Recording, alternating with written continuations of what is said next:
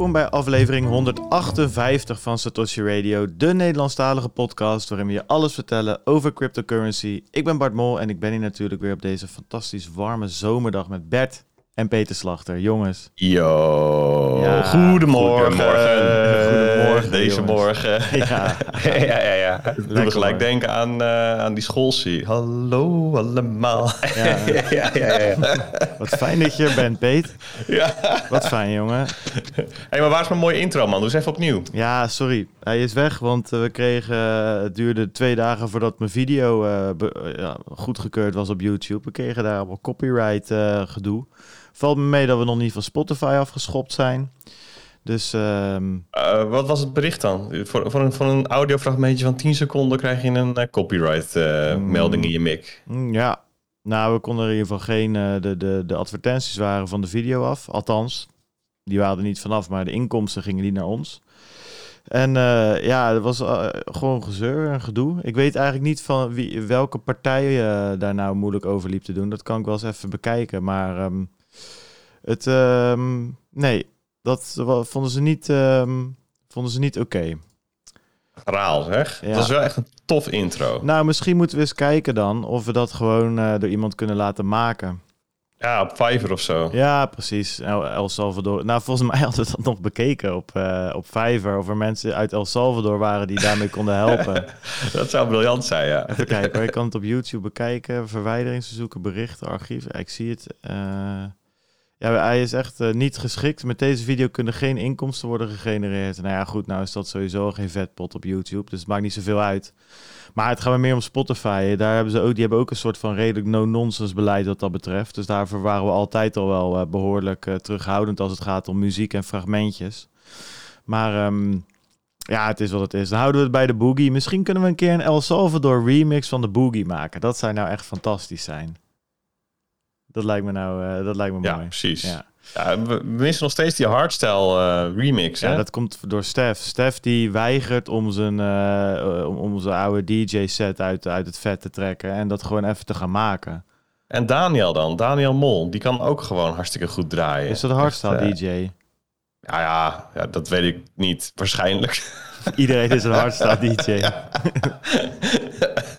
ja.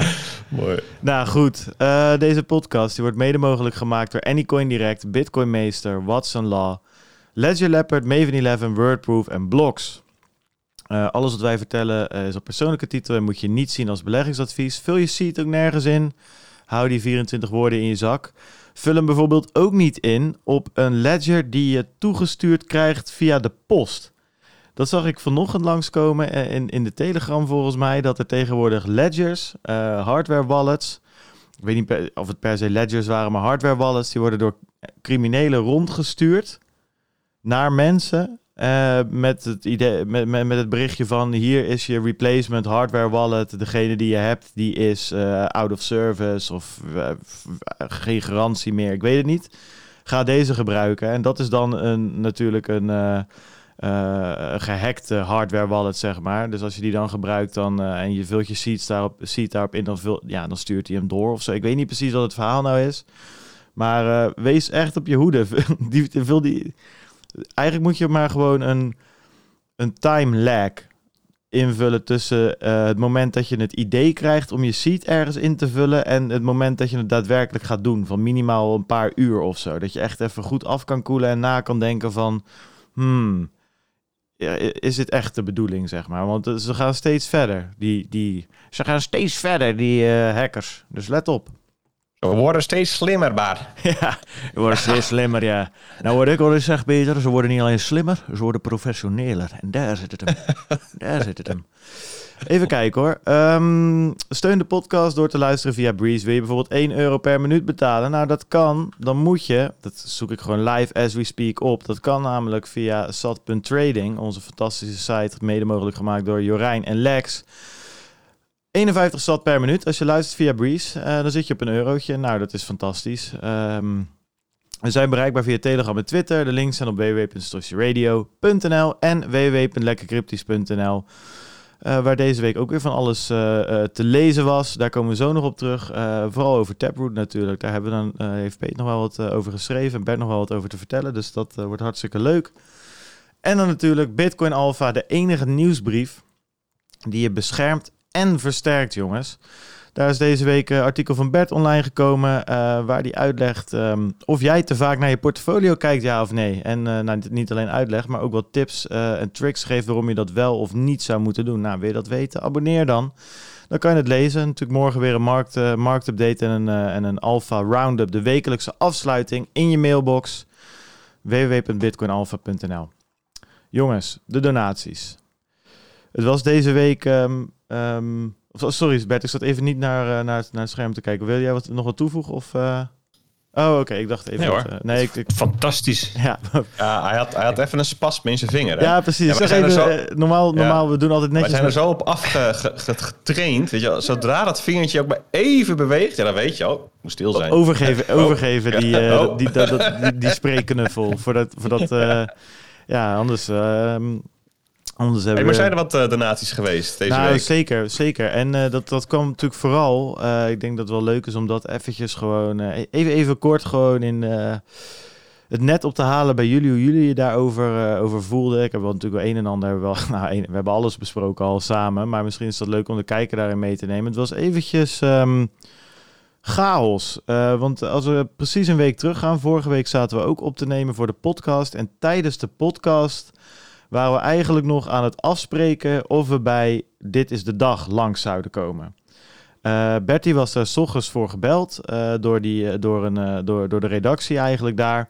Um, maar Bert, jij ging wat leuks met je vrouw doen, geloof ik. 15 jaar getrouwd, gefeliciteerd. Dus, ja joh, ja. ja. we zaten op, lekker op het, op het plein hier in Wijk Duurstede te eten met de hele family... toen jij daar tegenover twee hongerige wolven stond. Ja, nou ja, precies. Dus Bertie vroeg voor joh, Peter, Bart, in voor jullie zin om te gaan. Nou, op zich altijd zin. Het enige probleem was een beetje dat... Um, ja, ik moest er kwart over zes zijn. Dus ja, je merkt het al misschien aan het eind van die podcast. Toen was al duidelijk dat het ging gebeuren. Dus um, ja, ik, ik, ik was vijf uur. Ik heb een blouse aangetrokken en, een, uh, en mijn trainingsbroek uit en een, nette uh, korte broek aan. Voor zover dat kan natuurlijk.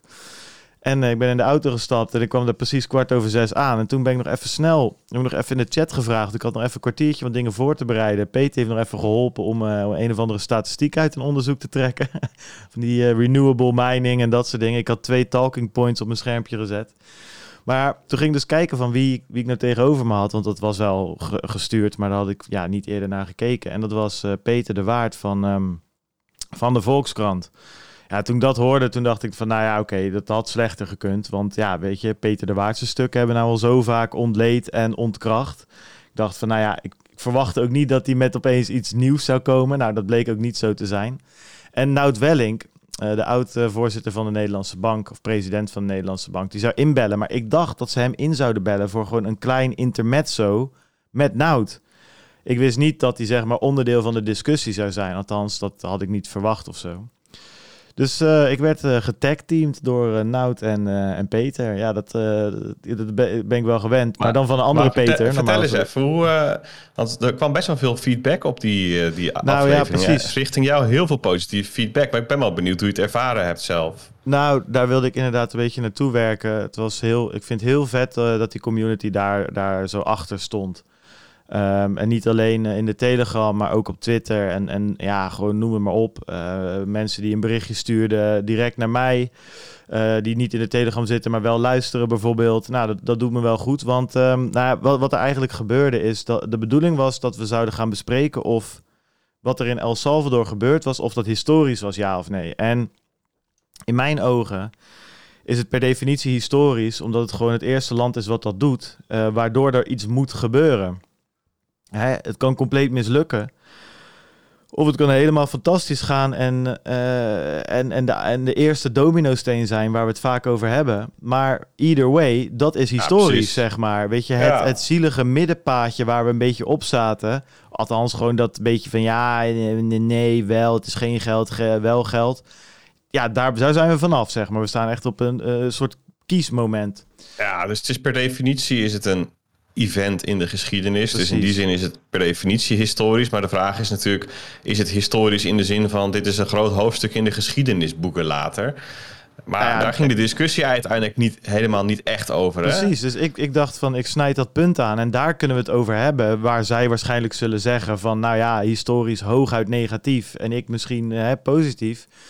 Maar um, uh, ik had die intro gedaan. Toen kregen beide heren het woord voor een minuut of vijf. Ja, op een gegeven moment ik was gewoon mee aan het typen. Uh, met, met, met, met, ja, met, met de drogredenen die me om de oren vlogen. En uh, ik merkte heel erg iets wat ik nog niet eerder had gemerkt. Dit, dit was ook het eerste debat, zeg maar, op, op de radio met tegenstanders direct. Hè. Hiervoor was het altijd een presentator. Ja, die leest gewoon wat punten voor, maar die, die leg je het vuur niet echt aan de schenen. En um, ja, ik werd daar best een beetje emotioneel van. Dus uh, dat zei ik ook al in de chat. Het eerste wat ik zei is van uh, excuus naar Jack Mellers. Ik geloof, ik geloof hem meer met zijn met huilverhaal op het podium. Ik denk nog steeds trouwens dat, die, uh, dat het meer een marketing dingetje was. Maar ik sluit niet meer uit dat het het niet was. Laat ik het zo zeggen. Dat, en, en ik geef, gun hem het voordeel van de twijfel omdat ik het zo'n toffe vent vind. Maar het punt is een beetje... Kijk, zij schetsen een frame met uh, met dictators, bloedige dictators, corrupte landen, boeven. Uh, nou, de, de, verkrachters worden er nog net niet bijgehaald, zeg maar. En die worden allemaal in een hoekje gezet van hè, al die gezellige jongens bij elkaar. MS-13 en de gangs van El Salvador en, uh, en, en de energieontkenners en de wappies en de extreemrechtse politici. Ga allemaal maar daar staan.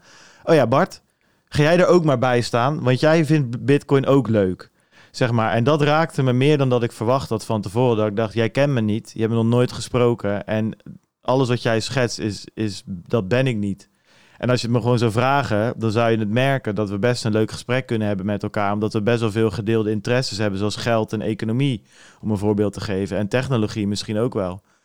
En dat deed me best wel veel. Zeker omdat dat drie, vier minuten doorging voordat ik wat kon zeggen tegen ze. En, um... Ja, wat, wat ik wel tof vond, was dat jouw reactie ja, kijk, nou de Welling, daarvan denk ik, ja... Goed, we hebben te maken met een, uh, zeg maar, een, een dinosaurus op, op uh, financieel en technologisch gebied. Hoewel je ook van hem natuurlijk beter mag verwachten. Maar die, die kwam ook met een aantal van die stokpaardjes. Maar Peter de Waard die liet zich echt uit de kast lokken door je. Die, eigenlijk kwam, kwamen alle, alle afgezaagde dogma's kwamen langs. Hè. Dus van het is niet gereguleerd. Er is een wildgroei aan dit soort munten. Alles werd op één hoog, uh, hoop geveegd. De, maar daarna werd het nog een stuk erger. Ook dingen die hij nog niet geschreven had. Er zijn te weinig bitcoins om een liquide markt te vormen. Bitcoin is bijna uitgemind. Nou, geld heeft goud als onderpand, kwam er zelfs nog langs. die, dat was nog wel mooi trouwens. Want die andere, kijk, ik zat dus mee te tikken. Maar ik kon niet, er werd zoveel, uh, er werd met hagel geschoten. En dat kon ik niet allemaal weer leggen in, in de tijd die ik kreeg. Dus ik moest een beetje kiezen. Maar toen met dat goudgedeelte, dat was een mooi. Toen begon die van. Um, ja, echt geld wordt tenminste gedekt door goud. En toen zei ik nog tegen hem van sinds 1971 niet meer. Dat weet jij ook. Nee, nee, dat klopt. Maar nog wel een beetje. Dan zei ik, ja, maar, maar wel, steeds, wel steeds minder. Ja, zei hij, ja, wel steeds minder, ja. En toen kwam hij eigenlijk op het punt van dat, die, dat we samen waren uitgekomen op het punt van dat het eigenlijk, dat we beide wisten dat daar gewoon, dat dat niet zo'n goed argument was. Ja, kijk, ik denk dat het uiteindelijk fijn was dat ik het laatste woord had en dat dat er wel nog wel aardig uitrolde, zeg maar, dan sluit je hem altijd wel lekker af. Ja, ik had niet verwacht dat, dat het me zo hoog zou zitten. Eh, daar heb ik ook alweer wat van geleerd. Uh, niet om dat de volgende keer niet te doen, maar wel, je moet heel erg opletten dat je daar... Ik denk dat nu de balans goed was, uh, maar dat je wel op moet letten... Um, ja, je zit op een punt dat je heel makkelijk daarin meegaat en dat je denkt van, weet je wat, ik, ik pak je er wel op dat je een oude irritante vent bent. En dan verlies je. Dan, dan verlies je. Zeg maar, want dan ga je zelf met drogredenen strooien. En dan zet je jezelf uh, uh, buitenspel. En ik ben blij dat ik me daarvan heb kunnen weerhouden. Want het, het, ligt soms zo makkelijk dichtbij om dat te doen. Om iemand uh, op, op iets anders te pakken dan zijn argumenten. Nou ja, goed. maar dat was het Radio 1 verhaal. Dat was allemaal hartstikke leuk en aardig. Nou ja, daar kwam heel veel reactie op. En toen dachten we oh, van... dat, dat, dat, was, dat was meer dan hartstikke leuk en aardig. Dat heb je echt goed gedaan. Nee, wat, dat, was, nee maar dat, was, dat was echt leuk. Ik, ik, ik, ik heb me vermaakt. En, uh... ik, ik zou zeggen, als je het nog niet gehoord hebt... zou je echt even moeten terugluisteren. Als je zoekt op wordt bitcoin ook in Nederland een betaalmiddel... dan kom je uit op de pagina van uh, Radio 1... eh, waar je terug kunt luisteren. En Dus wel een goede... En natuurlijk Zeker in, de, in de Telegram groep hebben we het videoarchief. Hè? Daar komen dat soort dingen ook allemaal in te staan. Dat, eh, dat doet Ramon eh, bijna allemaal. Dat is fantastisch dat hij dat doet. Ja, en hij, hij had een meme die viral ging. Hè? Super mooi. Die gast die moet zijn memes gewoon op Twitter plaatsen. En heeft hij binnen no time 300.000 volgers. Maar goed, Ramon, dat, dat weet je, dat we dat vinden. Dan moet je zelf maar kijken of je dat doet. Maar hij doet ook het videoarchief. En ehm, daar staat het ook in. Ehm, eigenlijk alle interviews die we doen en alles wat met Bitcoin te maken heeft op Nederlandse tv, eh, proberen we daarin te zetten. Dat, eh, dat gaat wel goed. Maar het grappige is, eh, daar kwam heel veel reactie op. En toen dacht ik van, nou, ik ga lekker slapen en het is allemaal wel goed. Toen werd ik 's ochtends wakker en toen kreeg ik een, ik, ik ben geabonneerd op, het- op het Financieel Dagblad. En dan krijg ik 's ochtends een mailtje met ja, de artikelen van die dag. En daar stond weer pontificaal bovenaan iets over Bitcoin. En ehm, eh, eh, de baas van het CPB, het Centraal Planbureau. Wat was zijn naam ook alweer? Weet iemand dat uit zijn hoofd? Ja, waarschijnlijk. Pieter Hazekamp. Piet, Pieter Hazekamp. Ja, die. ik dacht van, eh, heb, ik, eh, heb ik in plaats van het Financieel Dagblad eh, de, de, de, weet ik veel, de Shenzhen Times gekregen of zo, of een andere Chinese staatskrant. Want ik denk, wat, wat, wat zegt die Pieter nou? Die wilde een totaalverbod op Bitcoin in Nederland. Ja, en toen, ja, eh, vrijdag was helemaal een gekkenhuis. Toen, nou, misschien moet een van jullie de spreekpop overnemen, want dat, eh, dat is vooral via jullie eh, eh, gelopen. Al- Althans, ik was er zijdelings betrokken, maar het was... eh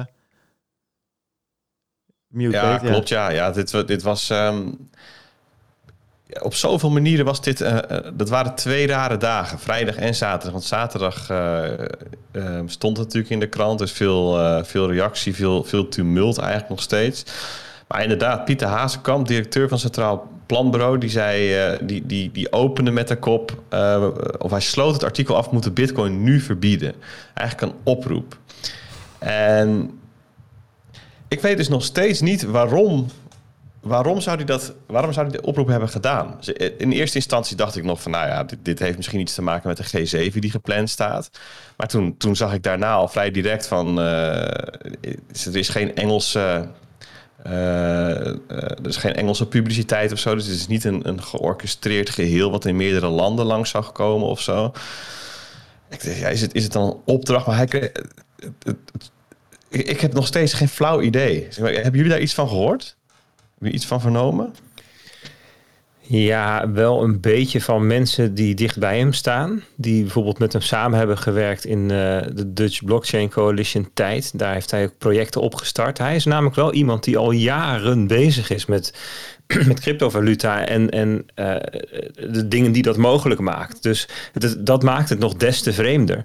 En, en, en wat ik van die mensen begreep is dat hij zich oprecht zorgen maakt om het zeg maar de, de, de, de, de, shitcoin casino ehm, uitwassen die het nu in de maatschappij veroorzaakt. Waar gewoon hele normale mensen met een heel bescheiden budget die die zeg maar dan naar nibud.nl surfen en dan staat daar, nou het zou goed zijn als je een eigen huis hebt, dat je dan een, eh, een buffer hebt van 20.000 euro. Dat, die, dat zijn die mensen die dan denken, jeetje, dat haal ik nooit. Weet je, gewoon mensen die gewoon van paycheck naar paycheck leven, die denken, weet je, ik ga eens gewoon meedoen met dat eh, Safe Moon of Cum Rocket of wat er ook langskomt en verliezen daar geld mee.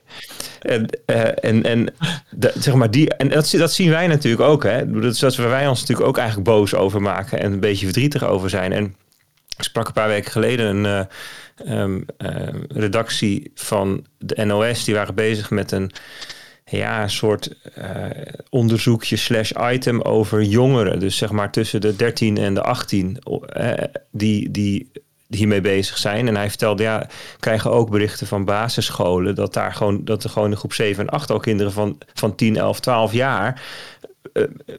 aan elkaar doorsturen van koop dit muntje, koop dat muntje, hebben groepjes. Ja, en blijkbaar zijn er dus ook apps, ook Nederlandse apps, waar je dus gewoon voor een paar tientjes dat prima kunt doen. Ja, dat is voor die kinderen ontzettend veel geld. Dus er zijn allerlei uitwassen en, en daar maakt hij zich oprecht zorgen om. En hij denkt dat het dan een goed idee is om bitcoin maar te verbieden. Kijk, die stap, dat is niet zo'n hele logische. En die is ook niet zo heel goed onderbouwd, die is heel goed beredeneerd. En Ehm, Ja, eh, nou. Er zijn natuurlijk duizend dingen over te zeggen, maar dat is wat ik begrepen heb, wat hem dreef. Nou ja, eigenlijk- Ja, ja, ik- ik, ik ben het er wel. eh, Mag ik heel even inhaken, Peter. Ik denk dat het wel een logische stap is vanuit zijn wereld, zeg maar, misschien. Een beetje, de, zeg maar, een beetje hetzelfde als met, als met drugs of andere dingen. Hoe het vroeger ging. Ja, je vindt het slecht, dus je verbiedt het. Ja, kijk, dat, dat, dat gaat allemaal wat makkelijker als je een grens hebt waar je mensen tegen kan houden of dood kan schieten als ze zich niet aan die regel houden. Ja, en, en ja, Bitcoin is natuurlijk zo'n paradigma. Dat is zo, zo'n andere wereld waar, waar zich dat in bevindt. Uh, en, en, en daar hebben mensen moeite mee. En uh, vooral mensen die het moeten regulaten, maar bijvoorbeeld ook accountants, om een voorbeeld te geven. Maar ook als je het gewoon wil snappen.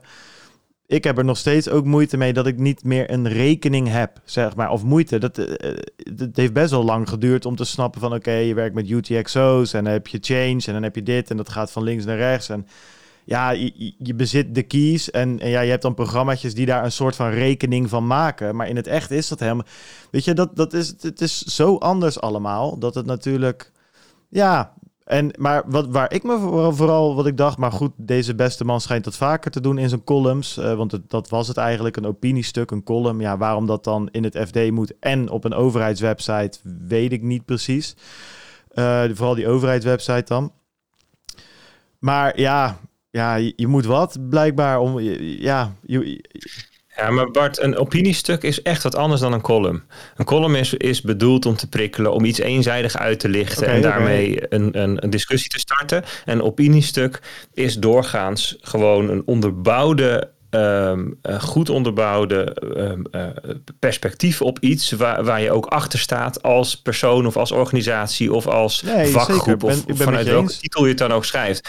Dus ik vind, ik, ik, ik, ik vind niet dat iemand zich, dat doet hij overigens ook niet hoor, maar je kan je niet verschuilen achter, ah ja, het was een kolumpje, weet je wel. Nee, dat vind ik ook echt serieus wat anders. Als, als, iemand, als een Peter de Waard in een column wat schrijft, ja oké, dus de, natuurlijk de, de, de, de, de, de idioterie druipt er vanaf, maar het is wel een column, dus zwaar, weet je, dat vind ik echt nog wel weer anders dan maar mijn eh, punt was ook een beetje, ik snapte niet zozeer van, eh, van, van, van waar het komt dat het Centraal Planbureau en de baas van het Centraal Planbureau het moet hebben over het soort van voeren van beleid slash politiek. Uh, het is een beetje hetzelfde als de virologen die daar een tijdje terug een beetje in door begonnen te slaan op tv. Die, die ook zich met economie begonnen te bemoeien en whatever. En nou had ik daar nog iets meer respect voor, omdat het allemaal zo'n uitzonderlijke situatie was. Maar ik, ik snapte de link Centraal Planbureau en het verbieden van iets niet zo heel goed. En inderdaad, precies naar je punt, Bert, in een opiniestuk vind ik dat je daar best wel op aangesproken mag worden. En dat je niet zo kan zeggen, ja, ik spreek op persoonlijke titel en ik schreef maar wat of zo, weet je wel.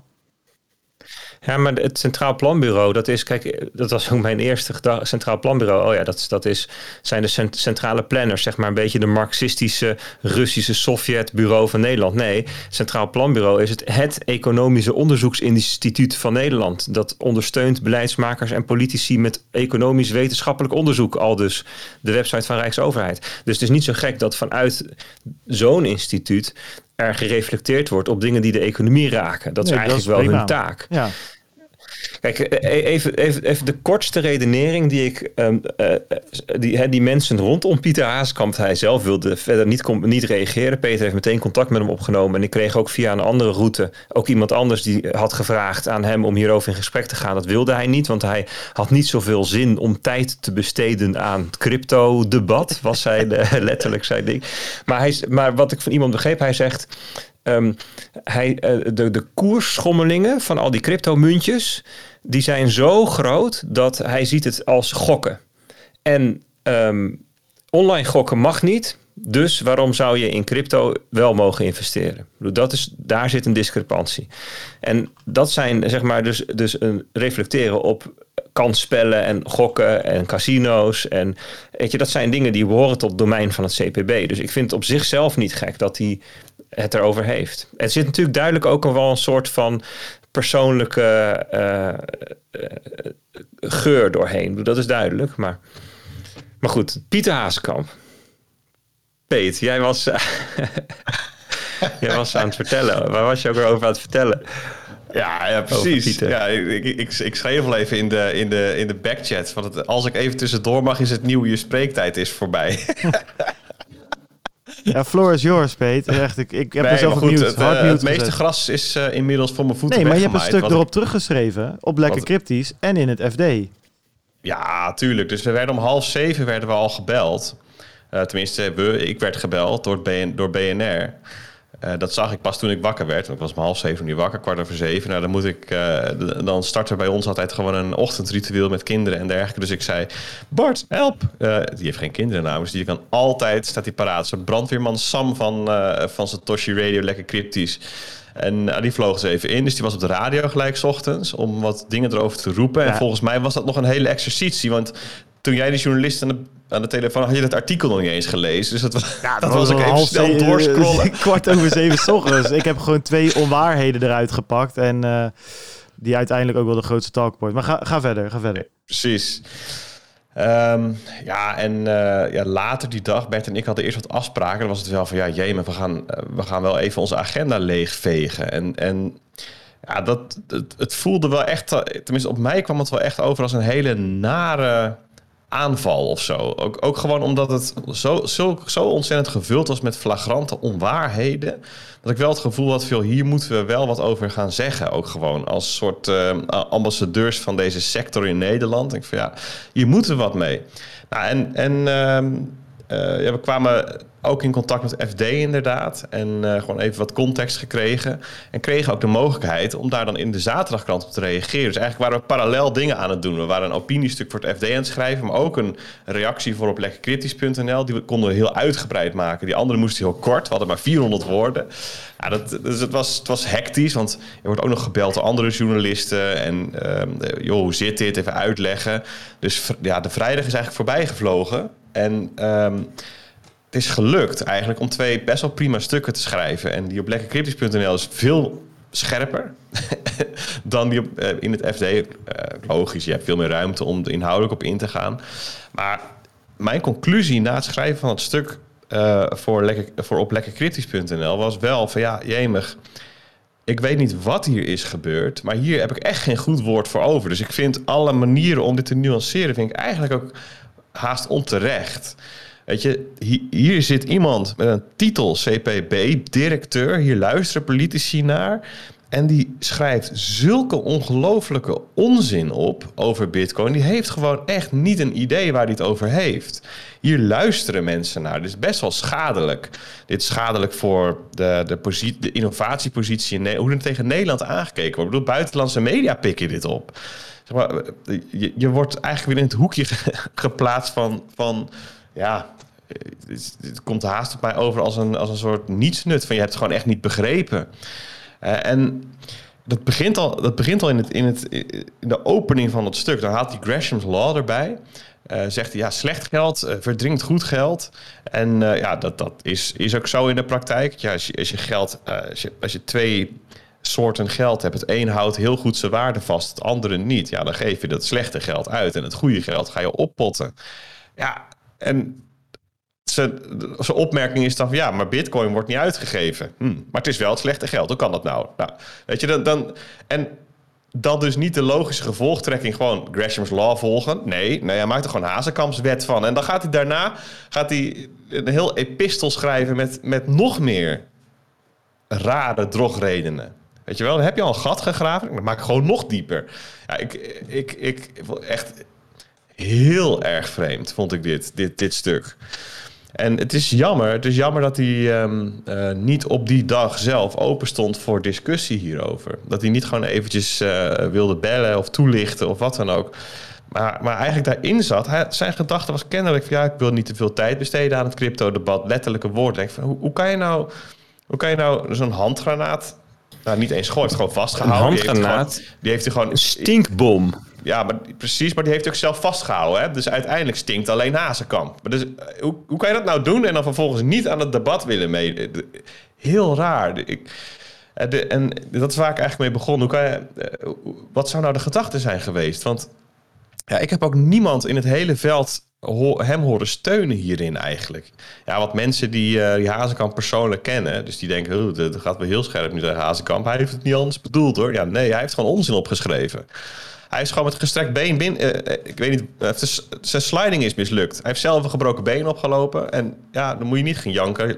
Later als mensen er scherp op reageren. En, en, wat ik mooi vond, het hele veld eigenlijk. Het hele veld van uh, van mensen die wel eens commentaar hebben op uh, Bitcoin, uh, die meestal met elkaar fel in debat zijn. Eigenlijk het hele veld van links tot rechts was eensgezind in het geluid van ja, nou, hier is dit is raar. Maar dat, maar, dat, maar dat komt ook een beetje omdat, nou ja, goed, al die tegenstanders, zelfs Peter de Waard, die zijn er inmiddels, hebben ze wel dat soort van dat wereldwijde geld, digitale geld zonder grenzen dat, dat punt hebben ze inmiddels wel door. En dat hoor je ook bij Lagarde, dat hoor je ook bij politici steeds vaker. Ja, als je hier iets mee wil doen, dan moet je dat nou in ieder geval op EU-level doen, zeg maar. Dat, dat lukt niet vanuit uh, Nederland alleen. Daar, daar, dat, dat zien ze wel. Dat is wel binnengedrongen. Behalve bij deze beste meneer. Dus hij begint op FUT level 1, terwijl een paar andere maten van hem uh, al op FUT level 3 zitten. Dus die hebben zoiets van, nou oké, weet je, dan maar een globaal verbod. Of mondiaal, sorry Constant. Um, ja, dus nou ja, goed. Ik ben, met je, ik ben het eigenlijk helemaal met je eens, Peet. Van maar, begin tot eind. Maar het, het, het aardige is dat dus um, zijn stuk allerlei verschillende soorten reacties heeft opgeroepen bij anderen die om verschillende redenen een verbod slecht vinden. Dus er is een hele groep mensen die zei, heb ik uh, mijn Twitter die ontploft natuurlijk. Um, van mensen die zeiden, nou, ik ik ben helemaal geen voorstander van Bitcoin. Tot en met, ik vind Bitcoin echt waardeloos. Maar verbieden is wel het laatste wat we moeten doen. Verbieden, dat past echt niet in een vrije samenleving als Nederland. Dus dat was een reden, hè, dat verbieden gewoon dom is. Dat hebben we bij drugs ook geprobeerd, moeten, weet je, enzovoort. Er was een groep mensen die begrepen dat verbieden gewoon niet kan, slash niet werkt. Als je dat als land doet, enzovoort. Er was een groep mensen die zeiden van nou... Um, uh, dan gooi je het kind met badwater weg en innovatie en weet ik wat. En uit allerlei hoeken. Hè? Dus vanuit DNB, vanuit AFM, vanuit het ministerie van Financiën, vanuit technologiehoek. Allemaal uh, mensen die normaal gesproken eh, stijf hun kaken op elkaar houden hierover. Beslist geen mening. En er kwam nu toch wel, nou, nou, nou, nou moet dat nou zo, weet je wel. Steun uit alle hoeken. Echt geweldig. Dus wat dat betreft achteraf, onder de streep. En dat vond ik ook mooi. Hè? Vrijdag stond in de krant. En ik hoorde ook iemand die zei, ja dit is echt zo gepland. Want als je dat op vrijdag erin gooit, dan weet je, ja, dan, dan kun je daar zaterdag in de zaterdagkrant, kan daar eigenlijk, dat is te laat. Daar kun je niet meer op terugkomen, weet je wel.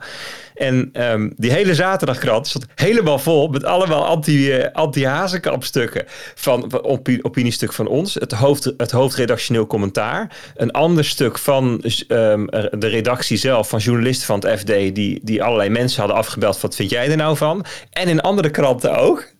dat is geweldig.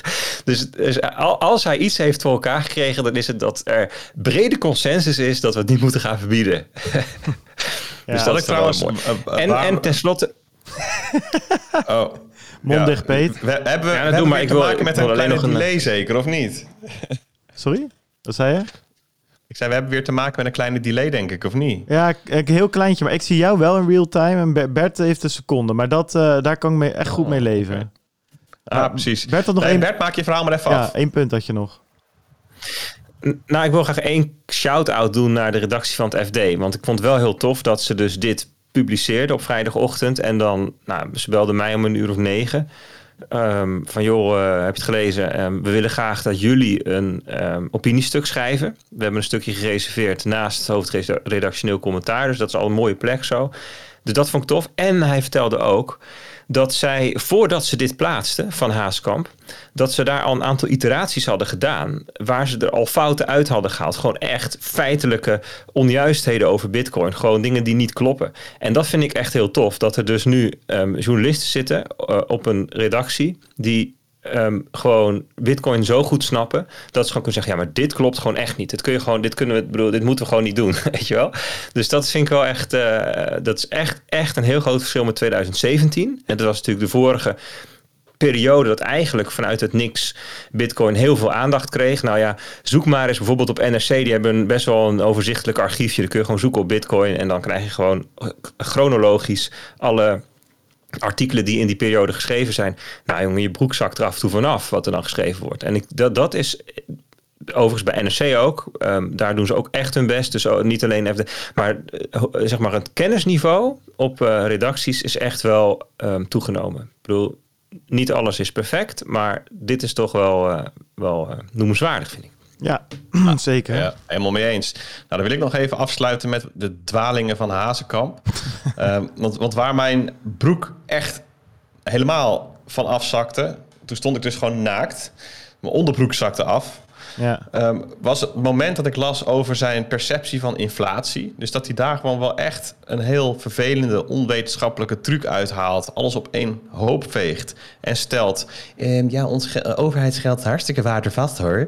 En, en gewoon, zeg maar... Zeg maar de Is dit jouw Jensen-imitatie? Die doet dat ook Weet altijd. veel. Eventjes Nee, een raar ik- stemmetje opzetten bij je tegenstander. Dat is wel... Ja, eh, begin jij nou niet over rare stemmetjes? Als er Classy. één- als er- Classy, hoor, wacht, Peter. Wacht, ik, ik, om hem zo ik- te pakken. Ik, ik, ik snap nu wel dat je hier getriggerd... Want jij bent natuurlijk de man van de rare stemmetjes. Ik ja, maar, nooit om iemand belachelijk te maken in een discussie. Dat, dat doet Jensen. Ja, dat is Nee, goed maar- om dat te zien. Ik Nee, bedoel, maar eh, laten we wel wezen. lijkt ook een beetje ik hoef niet belachelijk te maken. Nee, daarom. Echt niet. Dat, dat, dat, dat, dat doet een raar stemmetje. Dat, gaat, dat, dat, dat, is, dat valt in het niet bij het stuk wat hij geschreven Ik heeft. ben het met je eens hoor, het punt wat je maakt. Die infla dat inflatiestuk was verschrikkelijk. Dat vond, maar dat was echt verschrikkelijk. Echt ongekend. Maar en, en wat er dan op volgt... Dus, nou, ik vind het eng. Ik vind het eng dat een, een CPB kennelijk... Want ik zie dit een beetje als hoofdredactioneel commentaar eigenlijk... op bitcoin van het CPB. Ik vind het echt mind-blowing... dat vervolgens China erbij wordt gehaald... als lichtend voorbeeld van de richting die je kan inzetten... ten aanzien van iets. Of het nou bitcoin is eh, of handdoeken. Maar echt, het interesseert me niet. Maar oproepen tot censuur en surveillance. Ja, eh, ik- las dit stuk en ik dacht echt van... nou, ik weet niet, maar, maar volgens mij moet het CPB gewoon even in de ban of zo. Misschien, ik, ik- Ja. nou, nou, dan doe ik natuurlijk hetzelfde. On, uiteindelijk mag iedereen zeggen wat hij wil, hoor. Ik bedoel, laat wel wezen, maar... Nou ja, kijk. China, China kan best wel een lichtend voorbeeld zijn. Alleen niet op het gebied van eh, het verbieden van dingen. Ik bedoel, ja, China bijvoorbeeld qua technologie eh, zijn ze best wel aan de weg aan het timmeren. En daar kan je best een Ja. voorbeeld aan nemen. Maar, Maar hij, even haalt dat- gewoon, hij maar- haalt gewoon censuur Nee, aan, weet ben je ik wel, met je als eens. voorbeeld. Echt Precies, dus dat was, dat was... Maar ik vond vooral dat stuk van inflatie wat je zegt, dat hadden we nog niet eens over gehad. Want hij zegt eigenlijk CPB-cijfers, eh, het CPI, dat, dat, dat loopt best wel een beetje in de, in de pas. Dat is allemaal prima.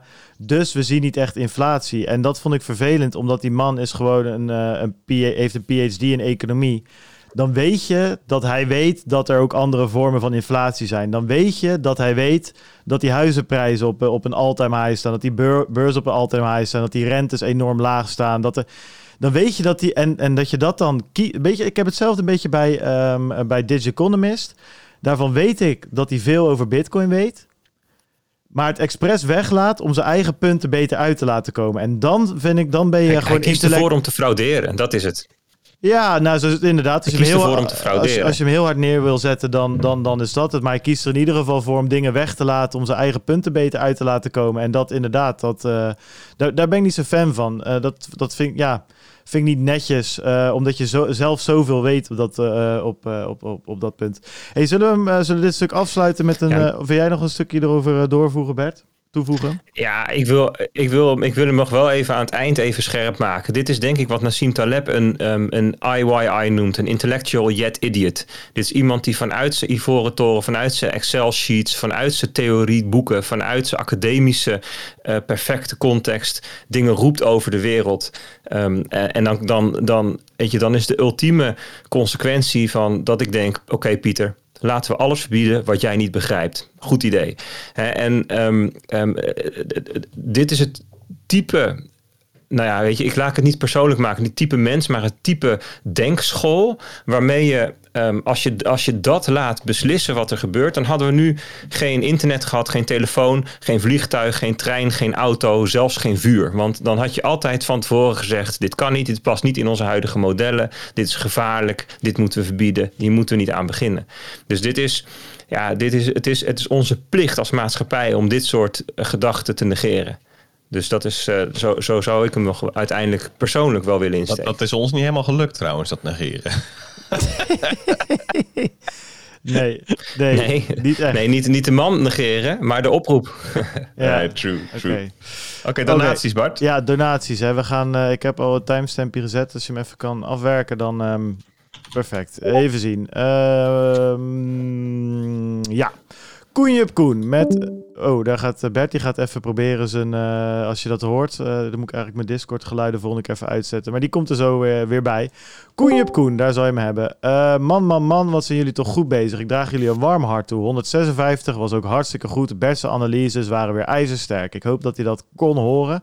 Hij was net even uit, eh, uit de video eh, call uh, Koenjup Koen. 6.500 sats, thanks. Niels Daniel, 66.000 sats. Bart, wederom hulde voor de manier waarop je je verweert op de radio. Fantastisch dat je met goede onderbouwing het juiste BTC-verhaal blijft vertellen. En het echte verhaal, jongens, als we dan toch Jensen na aan het doen zijn hier. Het echte verhaal, word wakker, koop mijn shirts en luister goed naar het echte verhaal. Word allemaal wakker. Bitcoin. En Peter, top dat je ook nog even op Twitter een duit in het spreekwoordelijke zakje doet. Ga zo door, mannen. Hier nog een digitale duit in jullie zakje. Thanks, eh, Niels. Tom die stuurt 16.000 sats. Line die stuurt 16.000 sats. En die zegt... Het is me gelukt. Hierbij mijn eerste donatie vanaf mijn eigen nood. Bart, ik heb net de video teruggekeken van jou op de radio. Je bent een bitcoin topper. Laat die oude zure mannen maar voor wat ze zijn. Ze zijn jouw tijd en energie helemaal niet waard. En dan komt hij, jongens. Een first in de donaties. XX Line. Nou, Line, je, bent je bent de eerste die het op die manier afsluit. Waar ik, ik, begin bijna te blozen hier. Uh, maar een applausje voor jou voor je prachtige gloedje nieuwe noot.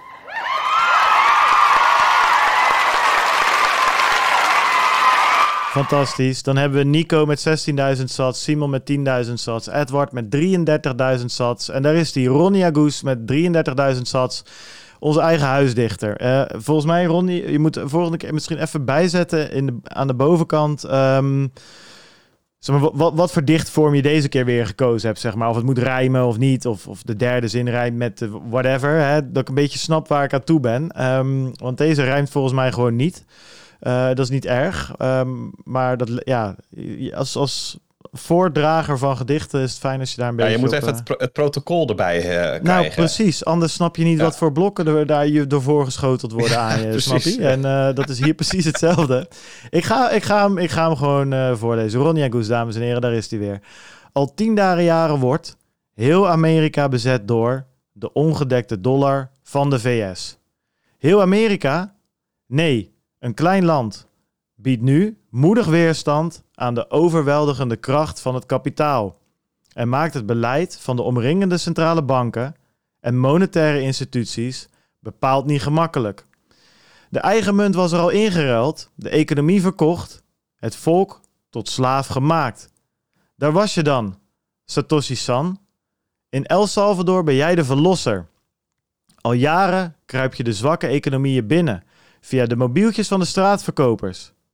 Geld zonder je handen vies te hoeven maken. Nu mag het. Nee, nu moet het. En het kan overal. Gradually, then suddenly. De vraag is of de bazen van de dollar deze revolutie kunnen keren.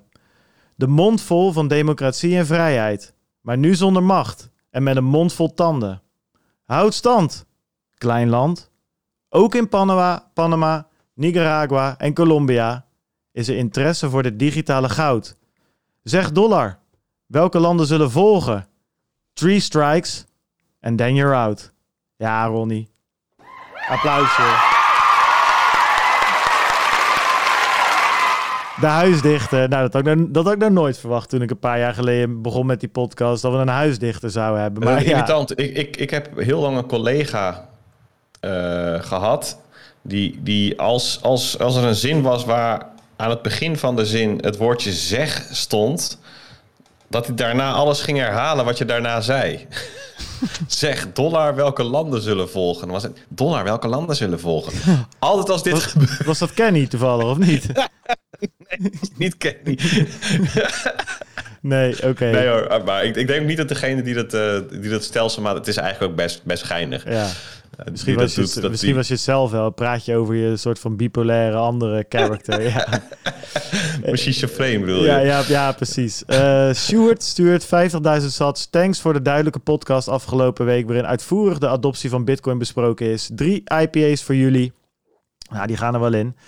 Uh, Bowie die stuurt 100.000 sats. En die zegt... Heren van onze religieuze secte... Erg veel respect voor jullie optredens in de media... Uh, klas hoe jullie al die pogingen wagen om het beeld van Bitcoin positiever te maken. Goed Bowie, achterkleinkind van een stel junglebewoners uit een bananenrepubliek. ja, ja, zo is het. Ja, dit zijn allemaal referenties aan Peter de Waard natuurlijk. In die Radio 1 optreden. Die Ja, was wel mooi. Bitcoiners een regi- religieuze secte. Ja, en een bananenrepubliek en dat soort dingen. Ja. Toen zei ik nog dat, dat, hij, dat, dat eh, Wout of of Nout had gezegd dat het een apenland was. Dat vond hij wat minder grappig. Die, dat zei ik niet Apenland, Apenland. Zo, dan hoorde je aan de andere kant van die telefoon. Dat Ja. zei ik niet. Dat zei ik niet. Vroeger, vroeger misschien, maar eh, heb ik al minimaal tien jaar niet meer gezegd. Ehm Ja. Vroeger kon dat nog, Bart. Ja, precies. Ralchit die stuurt 10.000 sats. Alex die stuurt 51.000 sats. En die zegt bedankt voor de video's over het opzetten van een Umbrel Note. Het is me inmiddels gelukt. Ben benieuwd naar de nieuwe video's die komen voor de volgende stappen. Ja, dat, dat komt er allemaal aan. Eh, goed nieuws eh, van El Salvador. Het lijkt een beetje hoe Alipay en WeChat betalen in China zonder bankrekening en zonder hoge fees hebben geïntroduceerd.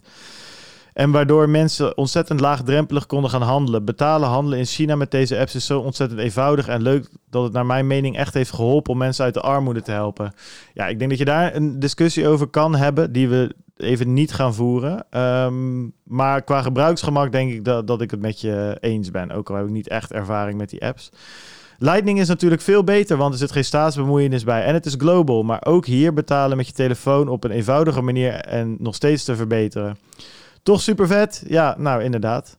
Juist voor armere landen en burgers eh, om eenvoudig over heel de wereld contacten te leggen en te eh, handelen. Jammer dat Nederland de ontwikkelingen zo tegenwerkt. Daarom blij met het netwerk dat ik, dat ik het netwerk nu ondersteun met mijn Alex Umbrel Note. En ik hoop op meer video's over hoe ik met mijn Note nog beter het netwerk kan ondersteunen. Zodra het kan betaal ik overal via Lightning met mijn mobiele telefoon. Nou Alex, voor jou ook een applausje voor je verhaal en je Note. Fantastisch gedaan. Dan hebben we nog een anonieme eh, donatie van ach- 7000 sats. Stapelbeer die stuurt 17.000 sats. Marien die stuurt 16.000 sats. Hey toppers. Na een middagje knutselen mijn eerste lightning payment via mijn telefoon. Waar dan ook naar mijn Umbrel. Eh Nuk in de meterkast naar jullie. Eh, Nuk, dat is een soort van super Raspberry Pi voor de mensen die dat niet weten. Een soort mini computertje. eh, ja, mini. Je groter dan een Raspberry Pi, kleiner dan je desktop, om het zo maar te zeggen. En een beetje bedoeld om een server van te maken. Of eh, nou, Raspberry Pi met meer rekenkracht, zo moet je het zien. Geniaal hoe dit werkt. Bart, dank voor de heldere uitleg. Keep up the good work. Nou, eh Marien.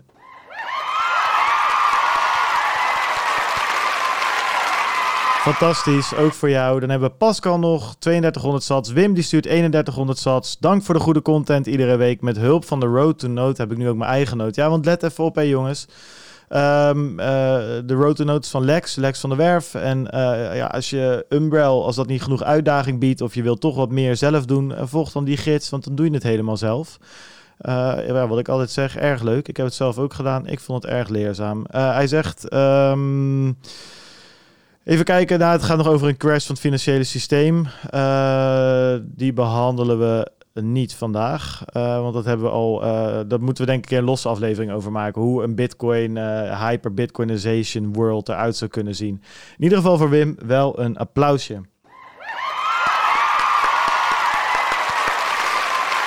Dan hebben we nog BTC Buffalo met 30.000 sats. Richard met 15.000 sats. Kloek met 7.000 sats. Die had een vraag. Eh Noordlid, die heeft 3000 sats gestuurd.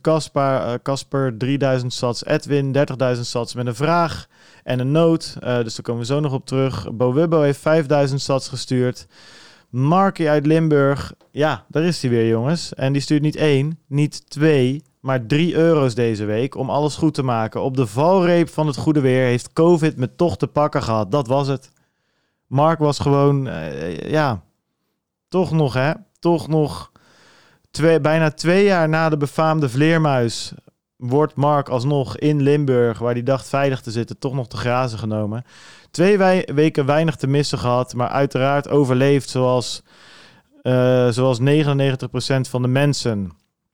Eh, wat een waanzinnige intro deze week. Zeker tien keer teruggeluisterd. Ook inhoudelijk weer erg sterk. Mannen, ik hou nog steeds van jullie. Dat is goed, Mark. Wij ook van jou. Goed om je weer te horen. En eh, we spreken je volgende week weer. Epibreren stuurt 3000 sats. Dan hebben we Martin. Die stuurt 31.000 sats. Beste Bart, Bert, Peter en de boerderij. Eh, de Telegram groep bedoelt hij daarmee. De zorgboerderij. Hierbij mijn eerste donatie vanaf mijn Umbral Note, die al sinds maart een beetje draaiende is. Het openen van een Lightning kanaal heeft even op zich laten wachten, eh, maar met de noodzaak is het allemaal gelukt. Thanks daarvoor. Mijn Bitcoin avontuur is nog maar kort begonnen. Eind februari ben ik ingestapt. Uh, ik ben geabonneerd op de Alpha nieuwsbrief, um, uh, omdat het heel fijn is als nieuwkomer in deze wereld. Het helpt je echt en scheelt zeeën van tijd om het allemaal zelf uit te zoeken. Um, ook al een tijdje in de Telegram groep en uh, daar lees ik ook veel mee. ja, je wordt op het rechte pad gehouden, niet te veel shitcoins kopen, want dan ga je wrecked, zegt hij. Wrecked, wrecked, kijk uit. Dan ga je er helemaal af. Uh, mannen en zeker ook vrouwen, weer in de Telegram groep, dat benoemt hij elke keer uh, netjes los daarbij.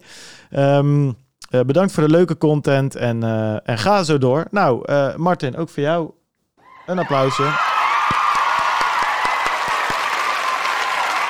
Ja, en dan hebben we hier nog... Kijk, je elke noot is voor mij een, een noot. Elke noot is fantastisch. Elke noot mag er zijn. Of die nou dik, dun, goud of groen of rood uh, casing heeft. Elke noot is fantastisch. Maar sommige zijn wel heel speciaal. En we kregen nou gisteren op de valreep nog een donatie binnen. Nou, dat wil ik even... Ja, zet je oren goed open. Want uh, dit, dit, dit is nou, het summum, denk ik. Thea die stuurt 102.000 sats. En die zegt, hola chicos, ook in Spanje een nood geïnstalleerd. En dat dankzij jullie en met behulp van mijn man. We luisteren al een tijdje naar CryptoCast Satoshi. Mooi man. Geweldig wat een informatie. Ik denk dat ze gewoon dat ze denkt van ja, ik zie die Bert, die zie ik bij, bij Herbert zitten, die zie ik hier. Eh, eh, CryptoCast Satoshi podcast, CryptoCast Satoshi. Ik denk dat ik hem volgende keer gewoon zo aankondig. Moet wel zeggen dat mijn man en ik de gemiddelde leeftijd van de luisteraars wel omhoog trekken. Van zilvervloten naar bitcoin, van oude sok naar ledger, van radio Noordzee naar de podcast, van analoog naar digitaal, van mainframe naar iCloud, van basic naar Java, dalende koersen en stijgende koersen, alles meegemaakt en nu een eigen nood met Lightning. Geweldig. Er is nog wat missiewerk te verrichten om anderen aan de nood te krijgen, maar als we de filmpjes van Bart hebben gezien, moet dat uh, zeker lukken. Saludos van Thea. Ja, dat is toch mooi, jongens. Stel pensionado's in Spanje, die daar gewoon een beetje... Zo, ja, ja wat, is, gaan we vandaag weer mooi. naar het strand? Weet je, Thea vraagt het aan de man, of we weer uit eten, of gaan we weer ergens uh, paella uh, naar binnen werken? Nou, laten we maar no doen. Weet je, ja, we moeten wat. En ja, dat vind ik geniaal. fantastisch. Geniaal. Ik vind het echt geniaal. Fantastisch. Ja. Applaus. Allemaal even meeklappen. Ja, ja, ja, iedereen klapt hier zijn handen stuk. Want uh, nou, wat ik zeg, elke noot uh, is, is fantastisch voor het Bitcoin-netwerk. Ik, ik, ik stel voor inderdaad uit, maar... dat we de volgende week dat we hem gewoon even één keertje aankondigen als CryptoCast Satoshi. ja, moeten we eigenlijk alvast even klaarzetten. Hè? We kopiëren altijd uh, de, de bestandjes. Ik schrijf hem er meteen in. Welkom bij aflevering 159 van... Ik ga me meteen inschrijven, want deze copy-paste ik altijd. Van de CryptoCast Satoshi.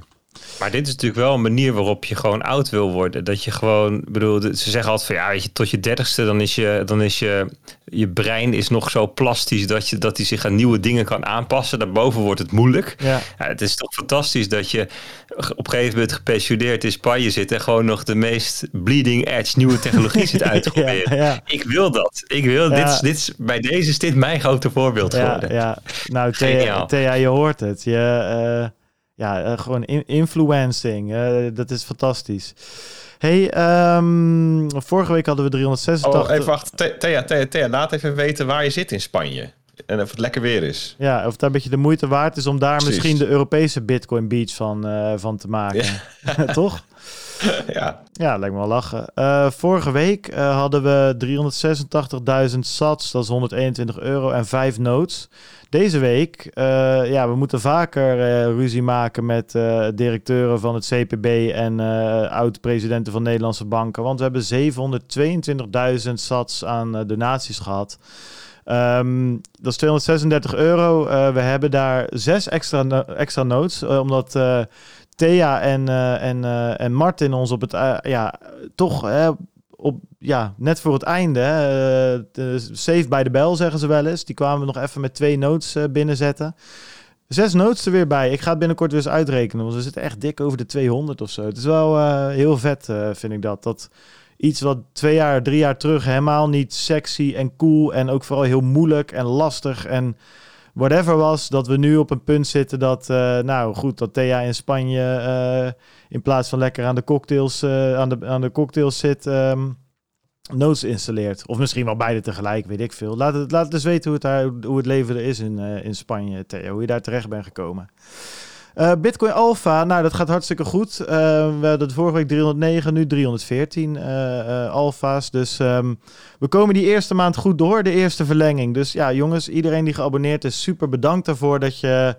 Nou, dat je niet na die eerste maand zegt, we kappen ermee. Maar dat je zegt, dit was vet. We gaan een tweede maand en een derde maand. En we gaan het gewoon volhouden.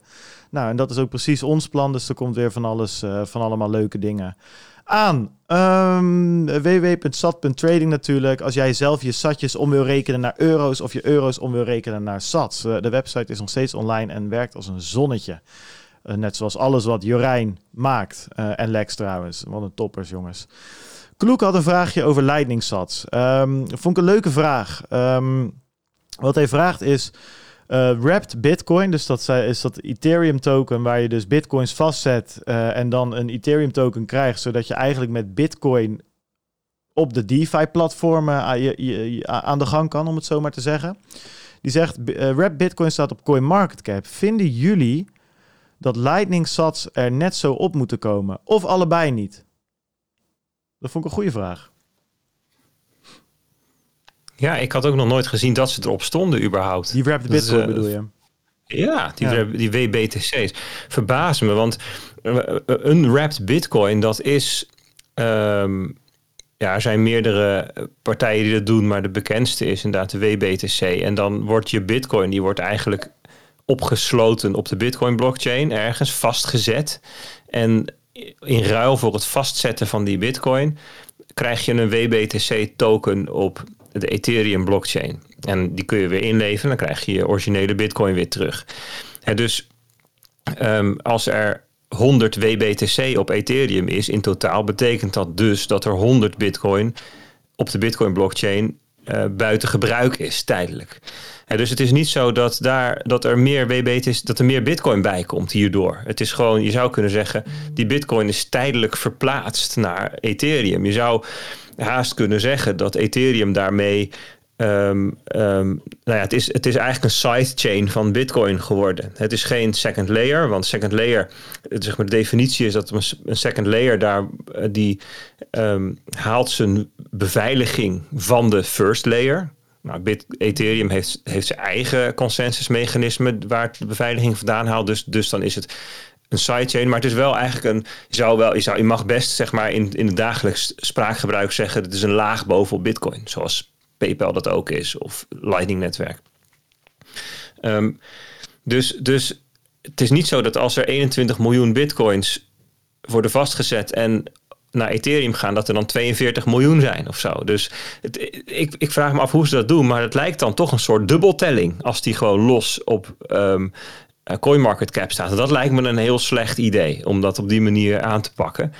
Um, aan de andere kant vind ik het wel een heel goed idee om zichtbaar te maken waar die 21 miljoen bitcoins zijn. Kijk, je zou eigenlijk kunnen zeggen: um, Bitcoin heeft zo'n ongelooflijk um, sterke, on, onveranderbaar monetair beleid dat je een uitspraak zou kunnen doen over over de, de, zeg maar de eeuwigheid. Kijk, bij Ethereum Ethereum die gaat natuurlijk nu uh, uh, met die EIP 15, uh, 1559 gaan ze um, burnen en straks met ETH2 gaat er minder in omloop komen. En dan zeggen ze ja, het wordt schaarser. Dat is allemaal leuk, leuk en aardig, maar Ethereum die verandert zijn monetair beleid op de manier dat het ze uitkomt. Dus dat is um, heel ander verhaal dan Bitcoin, waar al bij op, op, op, op 3 januari 2009 eigenlijk vast lag hoe dat zich zou ontwikkelen. En dat betekent dat, we, dat, dat je kunt zeggen, oké, die 21 miljoen bitcoins, die zijn er eigenlijk al. Alleen een gedeelte is nog niet in omloop. Dus je zou eigenlijk een soort dashboardje kunnen maken en zeggen, oké, die 21 miljoen bitcoins, waar zijn die nu allemaal? Nou, um, ehm, 18,5 miljoen in omloop. Dus dat betekent, uh, even uit mijn hoofd, 2,5 miljoen zijn gewoon nog niet in omloop. Dat is 2,5 miljoen. En zijn er een 900.000 of zo van Satoshi of zoiets. Hè? Dat zijn de Satoshi coins, kun je ook laten zien. Nou, er zijn er nu 160.000 WBTC, jongens. Hoeveel is het ongeveer, zoiets? 160.000 die zijn dus verplaatst naar Ethereum. Nou, en dan is er nog een gedeelte is, is locked up in Lightning. Ik weet niet hoeveel dat is. 5000 bitcoin of zo. Iets in die orde grootte. Nou, dus zo zou je eigenlijk een soort van... Iets, minder. De, ja, ik, ik zat eerder iets aan 1500 te denken of zo. Dat, dat dacht ik. kan even goed, checken. Ook, Qua orde grootte heb je dus dat soort, zo'n soort verdeling. En dan blijft er dus nog een gedeelte van de bitcoins gewoon over. Die, die dan, dus op zich, dat, zou ik best wel tof vinden. Dat we dat gewoon goed inzichtelijk maken ook. En dan natuurlijk, die dashboards zullen vast zijn. Maar CoinMarketCap is natuurlijk de meest gebruikte plek waar mensen allemaal heen gaan. Dat je dat daar gewoon ja, een soort van uh, presenteert aan de mensen. Van, nou, dit is hoe op dit moment dit in elkaar zit. Dat lijkt me best tof. Maar, maar om het als aparte munt op te nemen op CMC lijkt me een uh, onzalig plan. Voor alle alternatieven. Dus of het nou Lightning of Wrap Bitcoin of whatever is. Ja, ik sluit me helemaal bij aan. Ja, nou ja, ik ben het ermee Ik, ik, ik, ik, ik, vond het eigenlijk, eh, ik vind het raar dat dat wrapped bitcoin dingen uh, meegeteld worden met de market cap. Dat ze op, überhaupt op, op coin market cap staan. Ik bedoel, die doel van die site is een listing geven van, van alle unieke munten, lijkt me. Om dan vervolgens tot een market cap te komen. Dus in die zin vind ik het ook niet, eh, zou ik het ook niet oké vinden dat Lightning sats daarbij komen of zo. Op een, uh, op een losstaande manier van Bitcoin. Kijk, ik zou het wel goed vinden als er dashboards zouden zijn. Uh, waarin te zien is hoe Bitcoin gebruikt wordt. dus welk deel van de supply vaststaat in Lightning betaalkanalen bijvoorbeeld. Die zijn er ook wel. Niet echt op één plek misschien. Dat zou, en, en dan zou je ook kunnen zien, veel zoveel staat er vast uh, in, uh, in wrapped bitcoin. En zoveel staat er vast op Ethereum, zoveel op een ander platform, weet ik veel. Dat, dat zou ik wel mooi vinden. Dat is gewoon publieke informatie. Dat is belangrijk dat het ergens staat. Maar het moet niet meetellen in de, in de market cap. Dat vind ik heel vreemd. Nee, eens dat je bent aan het dubbelen inderdaad. Dus dat, uh, daar zijn we het volgens mij eens. En dan hebben we Edwin.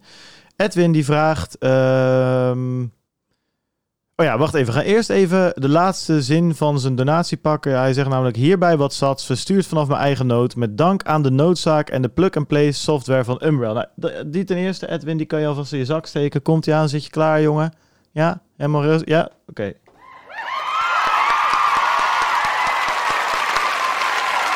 Dat is alvast, uh, die heb je alvast binnen. En Edwin had ook wel een leuke vraag. Edwin die zegt, twee weken geleden bericht van een bank dat ze de rente verlagen naar 0,00%. Gaat negatieve rente voor alle Nederlandse spaarrekeningen, ongeacht het saldo, op den duur worden geïnteresseerd of zullen de banken dit niet aandurven? Het lijkt me immers lastig te voorspellen wat dit met kleine spaarders doet. We blijven zunnige Hollanders niet. Hoe denken jullie daarover?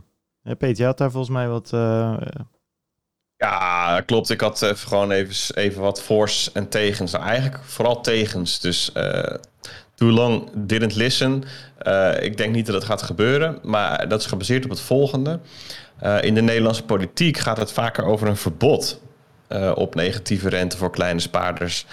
Um, dan dat ze eigenlijk aangeven van, nou ja, als banken dat doen, is dat oké. Okay. Um, voorbeeldje, Financieel Dagblad volgens mij was het eind mei, uh, Tweede Kamerlid Ilko Heijn die daarvoor pleit. Dus ze moet eigenlijk zelfs uh, wettelijk verbieden uh, dat negatieve rente mag worden toegepast op de kleine spaarder.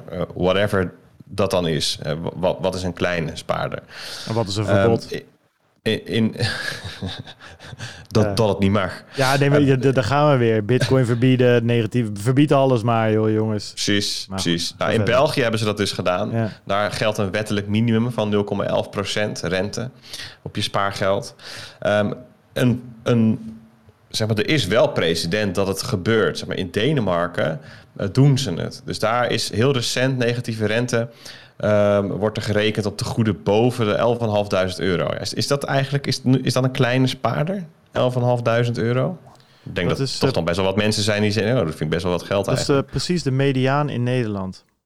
Okay. Die ligt op 13.000. Nou, dat heb je uitgezocht. Nou, dan, dan, komen, we daar, komen we daar zo meteen op. Ja, dat is goed. Uh, ik las um, uh, van ABN AMRO uh, iemand, een bestuurder die zei... het is zeer onwaarschijnlijk dat we in Nederland negatieve rente gaan rekenen op de goede onder de 20.000 euro. Dus die leggen denk ik dan daar het omslagpunt van tussen kleine spaarder en groot, niet klein. Ehm, Hoekstra, die heeft ook heel... Vorige week was dat. Die heeft uh, uh, iedereen eigenlijk een, uh, soort van Hoekstra-garantie gegeven. Die zei van ja, als grootbanken gaan komen... met negatieve rente voor kleine spaarders, dan ga ik ingrijpen. Nou, hecht ik echt nul. Ik hecht negatieve rente aan de uitspraken van Hoekstra. Nee, dit, nul waarde bedoel ik. Die, die beloftes die, uh, die worden nogal eens gebroken. Dus, maar goed, ja, het is wel zo'n signaal van dat de kans klein is dat het voor kleine spaarders in Nederland gaat. Uh, uh, dat, dat je in Nederland met negatieve rente komt te zitten. Hoekstra die zei het is goed om vast te houden aan de deposito-garantiegrens. Dus gewoon even een nieuw woord voor het Scrabblebord. En dat is die 100.000 euro. Ja. En dat, dat, dat, dat, is, dat zijn de tegoeden waar uh, de banken samen voor garant staan mocht het ergens misgaan. Jij had wat uitgezocht over um, uh, gemiddelden en zo. Jij ja. bent het CBS ingedoken. Ja, ik wilde daar altijd eigenlijk nog wat verder in willen duiken. Want kijk, voor banken is het heel simpel. Banken willen jou het liefst ook gewoon wel rente geven. Ik bedoel, het is niet dat zij het leuk vinden om, uh, laten we eens even lekker negatieve rente doorberekenen aan, aan al onze spaarders. Dus het is gewoon een kostenplaatje. En er zit ergens voor banken gewoon een omslagpunt. Dat omslagpunt voor grote spaarders hebben we een tijdje terug uh, bereikt. Het omslagpunt, of voor bedrijven eigenlijk, om het zo maar te zeggen. Hè? Die, die betalen al een tijdje negatieve rente. Het omslagpunt voor grotere uh, uh, privé-spaarders, zeg maar, hè? gewoon mensen, hebben we ook bereikt. En ergens ligt er ook een omslagpunt voor kleine spaarders.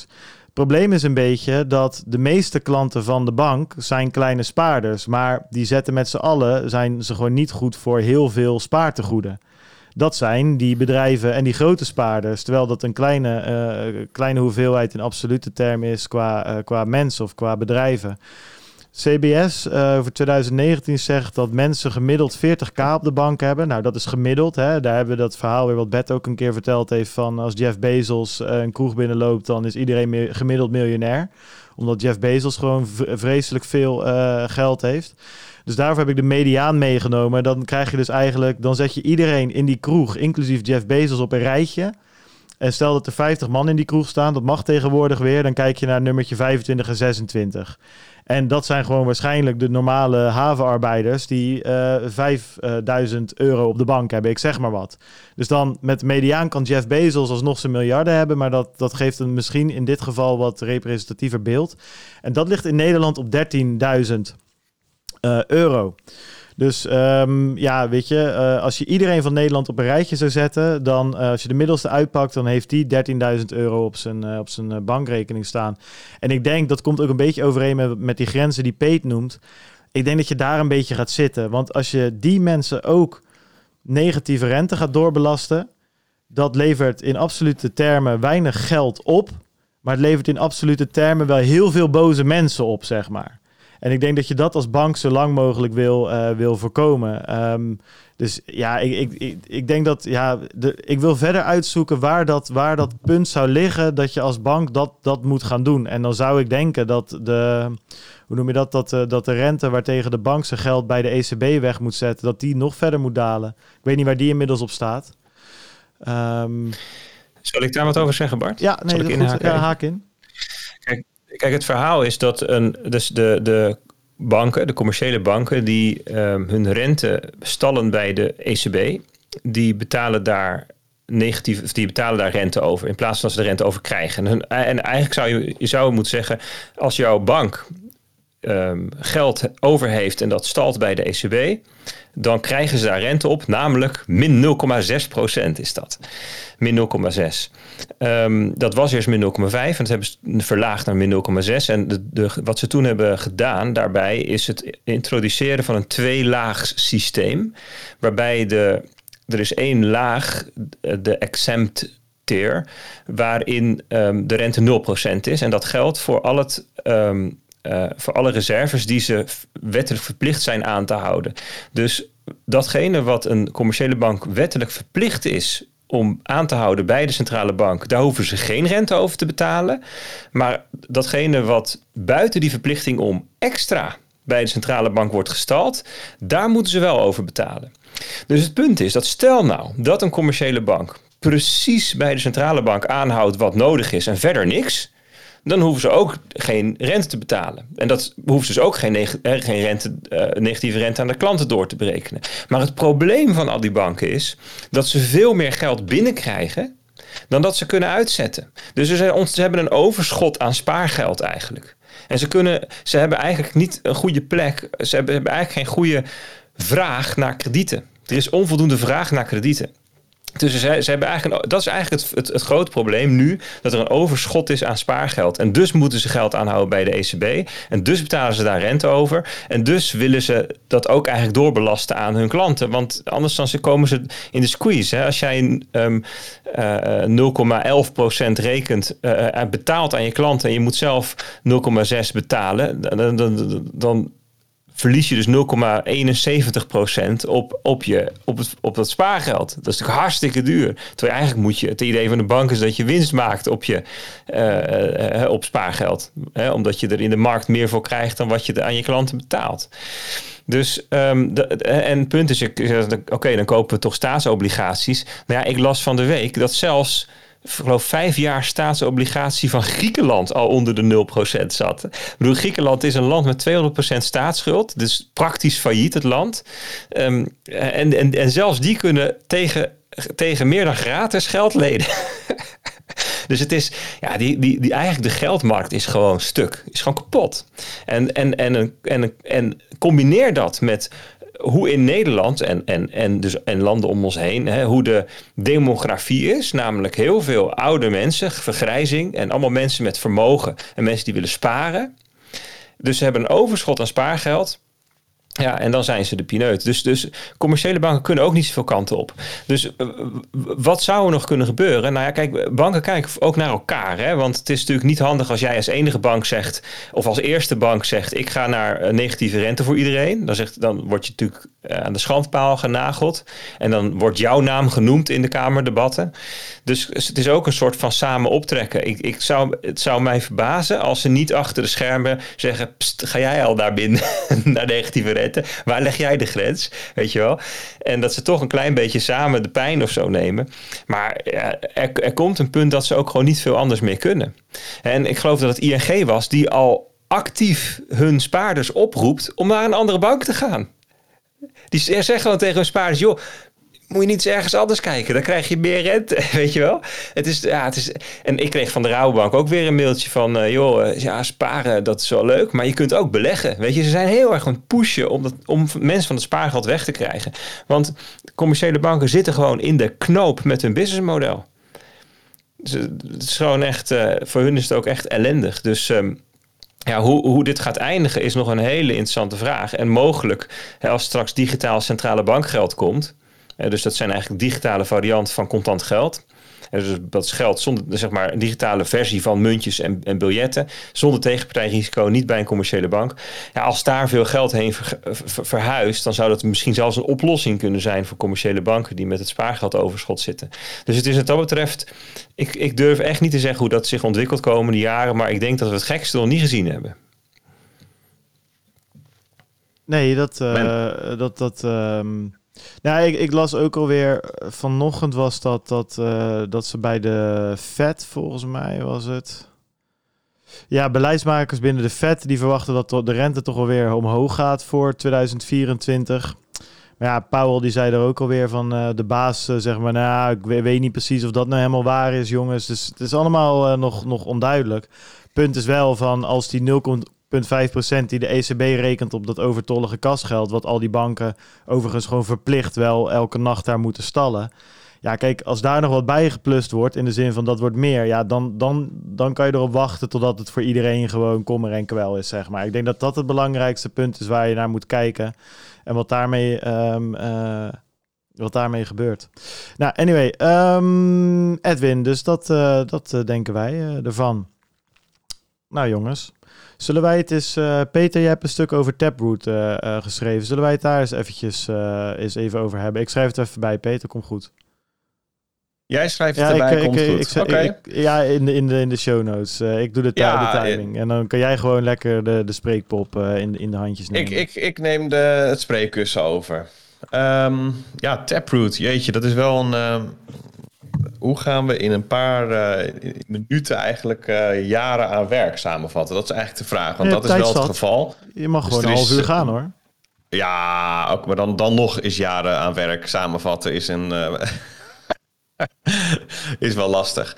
Maar ja, Taproot, daar is door een hele club mensen aan ontwikkeld. Waaronder prominente Bitcoin-ontwikkelaars zoals Gregory Maxwell, Pieter Wuilen, Andrew Poelstra, Tim Ruffing, Anthony Towns, enzovoorts, enzovoorts. En um, in, volgens mij was het begin 2020 uh, uh, waar het moment dat de hele Bitcoin-gemeenschap eigenlijk overeenstemming bereikte. Uh, de duidelijk consensus was van Taproot moet er komen.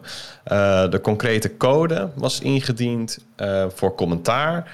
Um, en eigenlijk zei um, Pieter Wuilen op Twitter destijds... het is nu aan het ecosysteem eigenlijk. Uh, hij gaf het uit handen. Het, het, het is er, zeg maar. Het, het, zou, zou er nu kunnen zijn. Zou nu live kunnen, tussen aanhalingstekens. Zou nu geactiveerd kunnen worden.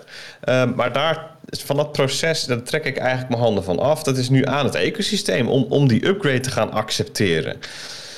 En dan um, uh, kom je eigenlijk direct al bij het meest complexe stukje van Bitcoin-ontwikkeling. Er is dus niet een uh, centrale partij die zegt van nou, we hebben een, een upgrade, die gaan we uh, uh, eventjes mergen naar master. Zeg maar, die nemen we gewoon op in de, in, in de code van, van Bitcoin en die lanceren we.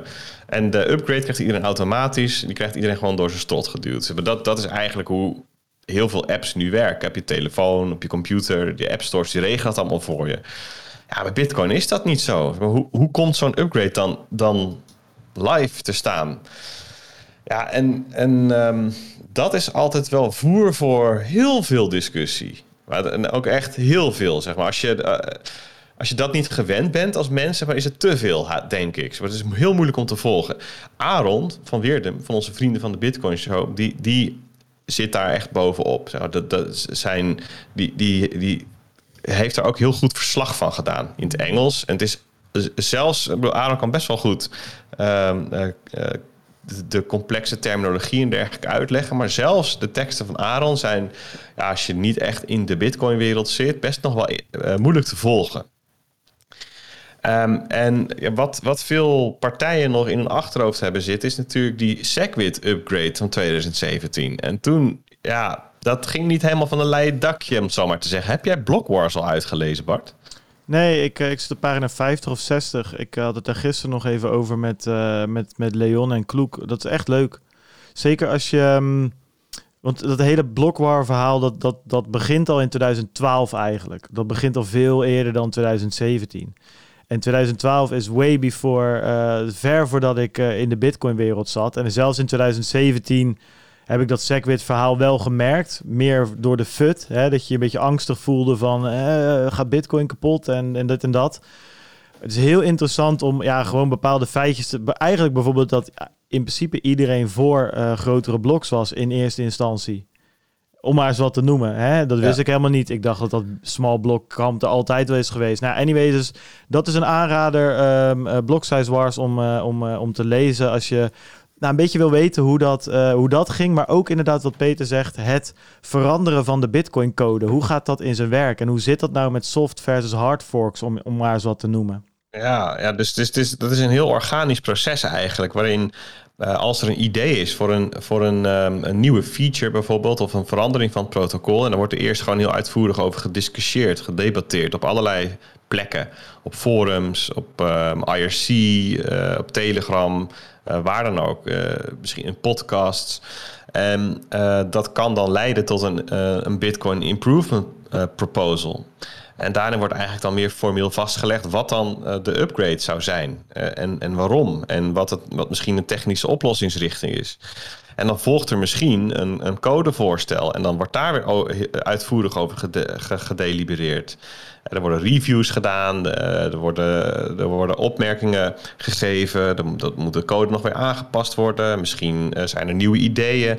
En daar, ja, daar kunnen maanden, jaren overheen gaan voordat het op het punt komt dat zo'n improvement proposal uiteindelijk gewoon op het punt staat van nou, het zou, het zou nou gelanceerd kunnen worden. En dan komt eigenlijk het, het, het heetste hangijzer. Hoe gaan we het dan lanceren? Daar is namelijk helemaal geen Ja, daar is geen draaiboek voor. Er is niet. Ja, het, het, moet, het moet door iedereen geaccepteerd worden. Door gebruikers van Bitcoin. Dus mensen die gewoon ja, een, een, een full node hebben draaien. Door de miners. Dus, dus alle mensen, alle partijen die uh, uh, economisch betrokken zijn eigenlijk bij, bij Bitcoin.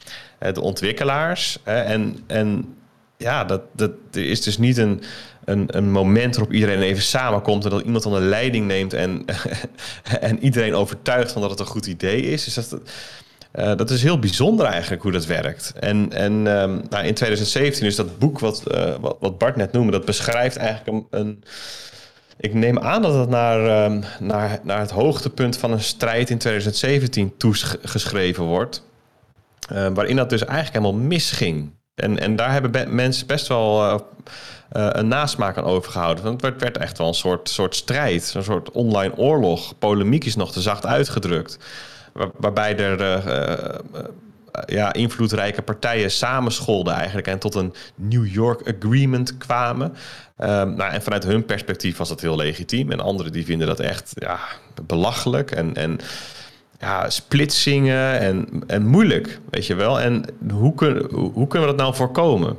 Uh, dus ondanks dat Taproot dat eigenlijk wel aanvoelde van nou, Taproot, dat, daar gaat helemaal niet zoveel discussie over komen, want iedereen wil dit. Het is in het belang van iedereen. Ondanks dat is er toch heel uitvoerig gediscussieerd over hoe kunnen we Taproot actief krijgen. En het was ook een soort speeltuin van, nou ja, misschien dat we nu Um, omdat we nu die discussie voeren, uh, dat we dan de volgende keer, als er wel iets is waar meer discussie over is, dat we dan al beter weten hoe we een upgrade zouden kunnen doorvoeren op een prettige manier. Nou, en uiteindelijk is dat op Speedy Trial uitgekomen. Dat is de naam, een soort middenweg tussen uh, de, het ene kant dat vond, ja, gebruikers die moeten het gewoon kunnen forceren. Het zijn de gebruikers die moeten het, het, het laatste woord hebben. Uh, een andere kant zei, ja, eigenlijk willen gewoon wel uh, minder risico nemen. En ook gewoon eens kijken, even peilen of de community er klaar voor is. En dan is dat vooral de miners. Dus eigenlijk de economic majority zijn jullie klaar voor de upgrade. Nou, en maar ja, dat moet niet te lang duren natuurlijk. Hoe lang ga je erop wachten? Dan een jaar, twee jaar? En wat als ze dat, wat als ze dat niet, niet klaar voor zijn? Wij willen gewoon dat het, dat het live komt. Dus het ene kamp. Dus er waren gewoon tegenstellingen, discussie, felle debatten. Nou, het middenweg was van oké, we gaan wel uh, peilen onder die economic majority. Uh, wat, hoe kijken ze er tegenaan? Uh, maar ze krijgen dan drie maanden de tijd om dat aan te geven. Dat is dan speedy trial. En stel, na die drie maanden blijkt dat ze er niet klaar voor zijn, dan gaan we dan opnieuw om tafel met z'n allen. Wat willen we dan? Willen we nog zo'n periode? Of, uh, of gaan we het wel gewoon uh, door hun strot heen duwen als gebruikers? Uh, en, en ja, voor, voor beide kampen waren voorstanders, tegenstanders. Dit was dan de middenweg. Nou, en op basis van die gedachte... Uiteindelijk, want even, even een vraagje aan jou erover uiteindelijk is het goed dat die discussie op zich gevoerd is. Alleen omdat al die miners eigenlijk zo snel akkoord waren, weten, we, nog, dus, weten we nog steeds niet precies wat er zou gebeuren als ze met z'n allen hadden gezegd van we doen het niet.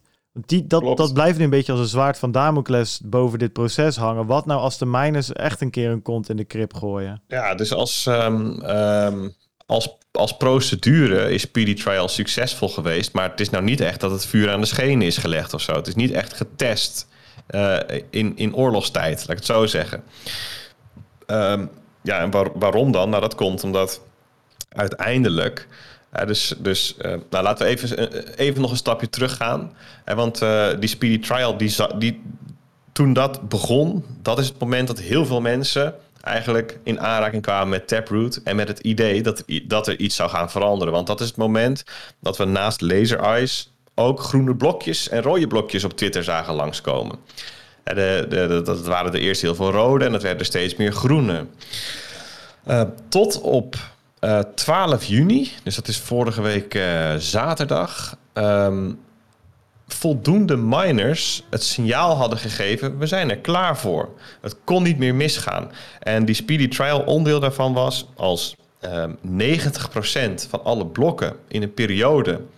Um, ja, in één epoch of wat voor term uh, er ook precies bij hoort. Daar werd ik nog op gewezen. Ja, een, een, ik schreef, um, Bitcoin kent periodes van 2016 bloks, uh, waarin het zichzelf kalibreert. En, en het doel daarvan is om de blok tijd tussen twee bloks, tussen twee opeenvolgende bloks, rond de 10 minuten te houden. En ik schreef, dat noemen we een epoch. Misschien is het een era. volgens mij, die term wordt een beetje door elkaar gebruikt. Dus ik, ik houd even bij epoch. Als in één epoch 90% van de bloks, als daarin opgenomen is, wij zijn er klaar voor, 90% of meer, dan um, volgt een lock-in. Uh, dus dan wordt eigenlijk gezegd van oké, nu is bevestigd, Taproot kan live. En dan een x aantal bloks verderop in de toekomst wordt het ook daadwerkelijk geactiveerd.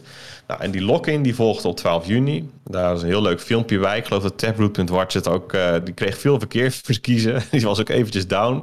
Ja, eventjes. Um, op het ehm, moment dat, dat de lock-in er was. Ja, logisch. Iedereen wilde... Ja. ja. Iedereen wilde een screenshotje maken voor Twitter. Ja, ja, ja, precies. Die werden gewoon gededost door, de, door legitieme gebruikers, legitiem verkeer. Um, ja, en dan ergens in de loop van november volgt de activatie. Dus dat is nou gewoon zeker. Um, ja, en uiteindelijk was het bijna 99% zeg maar in, in, in, in die 2016 bloks, uh, waarvan uh, gezegd werd van nou, wij zijn er klaar voor. Dus ja, eigenlijk haast iedereen, weet je wel. Dus, dus je kunt niet zeggen van nou, dit, deze manier van, um, uh, van nieuwe features release is nu is, is zeg maar battle tested. Dat, dat niet. Dus, dus dit blijft inderdaad nog gewoon wel een vraagstuk voor een, voor een keer dat er wel echt gewoon um, ja, geen consensus is over, over wat er dan geüpgrade gaat worden. Nu was er geen consensus over hoe we gaan upgraden, maar wel over wat er in de upgrade zou zitten. En het wordt pas echt lastig als het op beide fronten uh, moeilijkheden geeft. Nou, dat was in 2017 zo. Dus nou ja, ehm, de, volgende keer, heel vaak gebeurt dit natuurlijk niet. Dit is de, een, groot, een van de grootste upgrades in de afgelopen vier jaar, dus na SegWit. Um, dan de vraag even, wat brengt Taproot nou eigenlijk? Ja, misschien is dat wel een leuk punt waarop Bert even kan, uh, kan inspringen. Is um, de, de, hele procedure, het processtuk um, volbracht? We hoeven niet meer terug te komen in het proces. Oké, okay, cool. Ja, wat brengt Taproot? Ja, jongens, dat is een, ook, ook dat is natuurlijk helemaal geen makkelijke vraag. En dat komt vooral omdat het, um, dat, dat, dat we er al vijf, zes jaar mee bezig zijn. en, en, er zijn heel veel um, uh, andere dingen die ook um, aan Taproot verbonden zijn geraakt. Ik denk dat om, om het idee... Ja, laten, laten we er eens even de tijd voor nemen. Want we hebben al heel vaak het in drie zinnen geprobeerd te doen. Laten we nou eens even ietsjes uitgebreider kijken naar hoe, hoe, hoe het nou zit. Laten we even teruggaan naar um, de essentie van hoe, hoe de Bitcoin blockchain werkt. Namelijk de UTXO, de Unspent Transaction Output. Dat is eigenlijk het muntje wat je hebt. Hè. Als jij 0,1 Bitcoin hebt, dan is dat Um, uh, dat hebben, dat betekent, als je zegt ik heb dat bedrag, dat betekent dat jij um, uh, aan de voorwaarden kunt voldoen om die 0,1 bitcoin te besteden. En dat, dat is in het meest eenvoudige geval, is dat dat jij de private key hebt waarmee je um, de transactie kunt ondertekenen. En dan, als dat, zo, als dat dat geval is, dan staat er bij die UTXO in de blockchain staat dat je hem kunt besteden met, uh, als je hem ondertekent, met de private key, die hoort bij de volgende public key. En die public key staat dan opgeslagen bij die UTXO. En dan weet iedereen, oké, als, als daar een transactie komt die deze UTXO besteedt, dan, dan kunnen we controleren dat, dat die ondertekend is met de private key, die hoort bij deze public key. Dat is, dat is het, zeg maar, het meest eenvoudige mechanisme van wat wat nodes doen. Die controleren of de bestedingsvoorwaarden van een UTXO, of daaraan is voldaan in de transactie. En meest, de allersimpelste vorm, de allereerste vorm ook, is dat er gewoon een public key staat. Dit is de public key. Um, en, en check maar. Nou, dat, daar zijn, in de loop der tijd is dat steeds ingewikkelder geworden. Op een gegeven moment dacht men, ja, het is misschien niet zo handig om die public key daar neer te zetten. We doen een hash van een public key. Dat werd een ander um, uh, type. En op een gegeven moment. Um, je kon daar natuurlijk je kon, je kon daar een public key neerzetten. Maar eigenlijk wat je er eigenlijk neerzette was een stukje script. Script is de taal waarin je die voorwaarden, waaronder je een UTXO kunt besteden, waaronder die kunt uitschrijven. En in een heel eenvoudig geval hadden we het net over, maar je kunt ook complexere gevallen maken. Bijvoorbeeld dat je zegt van nou, ik wil uh, dat twee van de volgende drie public keys ehm, tekenen. En dan heb je een multisig, uh, noemen we dat een multisignature um, voorwaarde. En dat betekent dus dat je um, bij het uh, versturen die nou ja, met twee van die drie moet gaan ondertekenen. Helemaal in het begin stond dit stukje script gewoon al opgeslagen bij de UTXO. Dus iedereen die de UTXO bekeek, die kon zien... nou ja, dit is een uh, multisig maar met deze drie public keys... en daar moeten er minstens twee van tekenen. Nou, dat is op een aantal manieren heel onhandig. Want dat betekent dus dat iedereen exact kan zien... onder welke condities die besteed kan worden. Dat wil je helemaal niet, privacy. En het is ook heel onhandig, want als, als, als Bart iets naar mij uh, stuurt, dan moet ik hem dus exact dat stukje script geven. Want anders kan hij het niet naar mij sturen. Nou, dus dat hebben ze al heel snel in 2012 hebben ze dat vervangen door pay-to-script hash. Dus in plaats van dat het script opgeslagen wordt bij de UTXO, wordt er een hash van het script opgeslagen. Dat is wat wij kennen als een adres. Dat noemen we dan een Bitcoin-adres. En mensen denken van, oh, dat is een soort bankrekening. Nou, eigenlijk is een adres dus in de praktijk de hash van het script wat je gebruikt om het naartoe te sturen. in, in het geval van ingewikkelder uh, uh, bestedingsvoorwaarden. Dus je maakt een script. In, de, in die script zeg je van nou 2 uit 3 multisig. Maak de hash daarvan. Die geef ik als adres aan Bart. En die stuurt daar die bitcoins heen. Met andere woorden, hij slaat in de blockchain op dat die bitcoins vanaf nu kunnen worden besteed onder deze voorwaarden. Dat is wat er eigenlijk gebeurt. En um, uh, vervolgens kan ik aan die voorwaarden voldoen, want ik heb namelijk tegen Bart gezegd: dit zijn de voorwaarden die, waar ik aan kan voldoen, dus sla dat op in de blockchain. Um, alleen het punt is nu dat als ik ze ga besteden op enig moment, dan moet ik bewijzen aan de rest van de wereld dat ik dat kon besteden door het hele script te tonen wat nodig was voor die hash. En dat betekent dat, oké, dus je kunt nu niet bij een UTXO van tevoren zien wat het script is, maar je kunt nu bij, bij het besteden van de UTXO zien wat het script was. Dus dat betekent bij het besteden van zo'n munt dat ineens heel zichtbaar wordt wat de voorwaarden waren. Bijvoorbeeld welke andere public keys er waren. Ook heb stel dat ik een, een, een, een, een 3 uit 9 heb, noem eens iets geks. Dan, dan moet je ook die andere zes laten zien. Want, want je moet het script laten zien. Dat heeft een aantal nadelen. Het script is groot, dus het kost veel ruimte. Dus het maakt het besteden duur. Um, en er zit privacy issues aan, want je, je onthult allemaal dingen die je niet wil. En er zit ook nog het gevaartje aan dat als je die, dat script niet exact kunt reproduceren, dan kun je je munten niet besteden. Dat is gewoon een gevaar dus hoor. Je hebt, je hebt, hoe moet in een wallet niet. Uh, ja, nee, nee, je zegt van een gevaartje, maar dat is als ik bijvoorbeeld naar Casa kijk, de, de nadruk in het proces die erop wordt gelegd van hier heb je zeg maar alle public keys en, en het hele zootje wat je bij elkaar moet houden. Dat is, er, dat is echt belangrijk, zeg maar. Dus de, de, de, er mag nog best wel wat meer nadruk op van dat, dat, dat is echt ja, maar voor mij het grootste nadeel een beetje. Dat, dat je zo uh, gefocust bent op private keys en dat soort dingen. Dat je hierbij denkt van nou, dat zal wel. Maar uh, als je het niet hebt, dan, uh, dan kan je je private keys hebben. Maar dan ben je er nog steeds niet. Klopt, dus, dus we leggen vaak de nadruk op je moet je uh, recovery seat moet je ergens opslaan. Hè? Als je die maar in een, in een ijzeren staaf stanst, dan komt het allemaal goed. Of, of gooi hem in een kluis. Alleen je moet dus om het, om het kunnen besteden niet alleen die seat hebben of de private keys die daar op basis daarvan worden gegenereerd, maar ook je eventuele script. En dat is bij de meest eenvoudige vorm. Um, dus een pay-to-public key hash is dat niet een probleem, want dan heb je alleen maar de public keys nodig. Maar als je iets ingewikkelders doet, dus timelocks erop of uh, multisig-achtige constructies, ja, dan, dan, dan moet je dat script gewoon hebben. Um, en soms kun je zo'n script ook nog wel weer opnieuw bedenken. Kijk, dat komt, dat komt op de bit nauwkeurig, hè?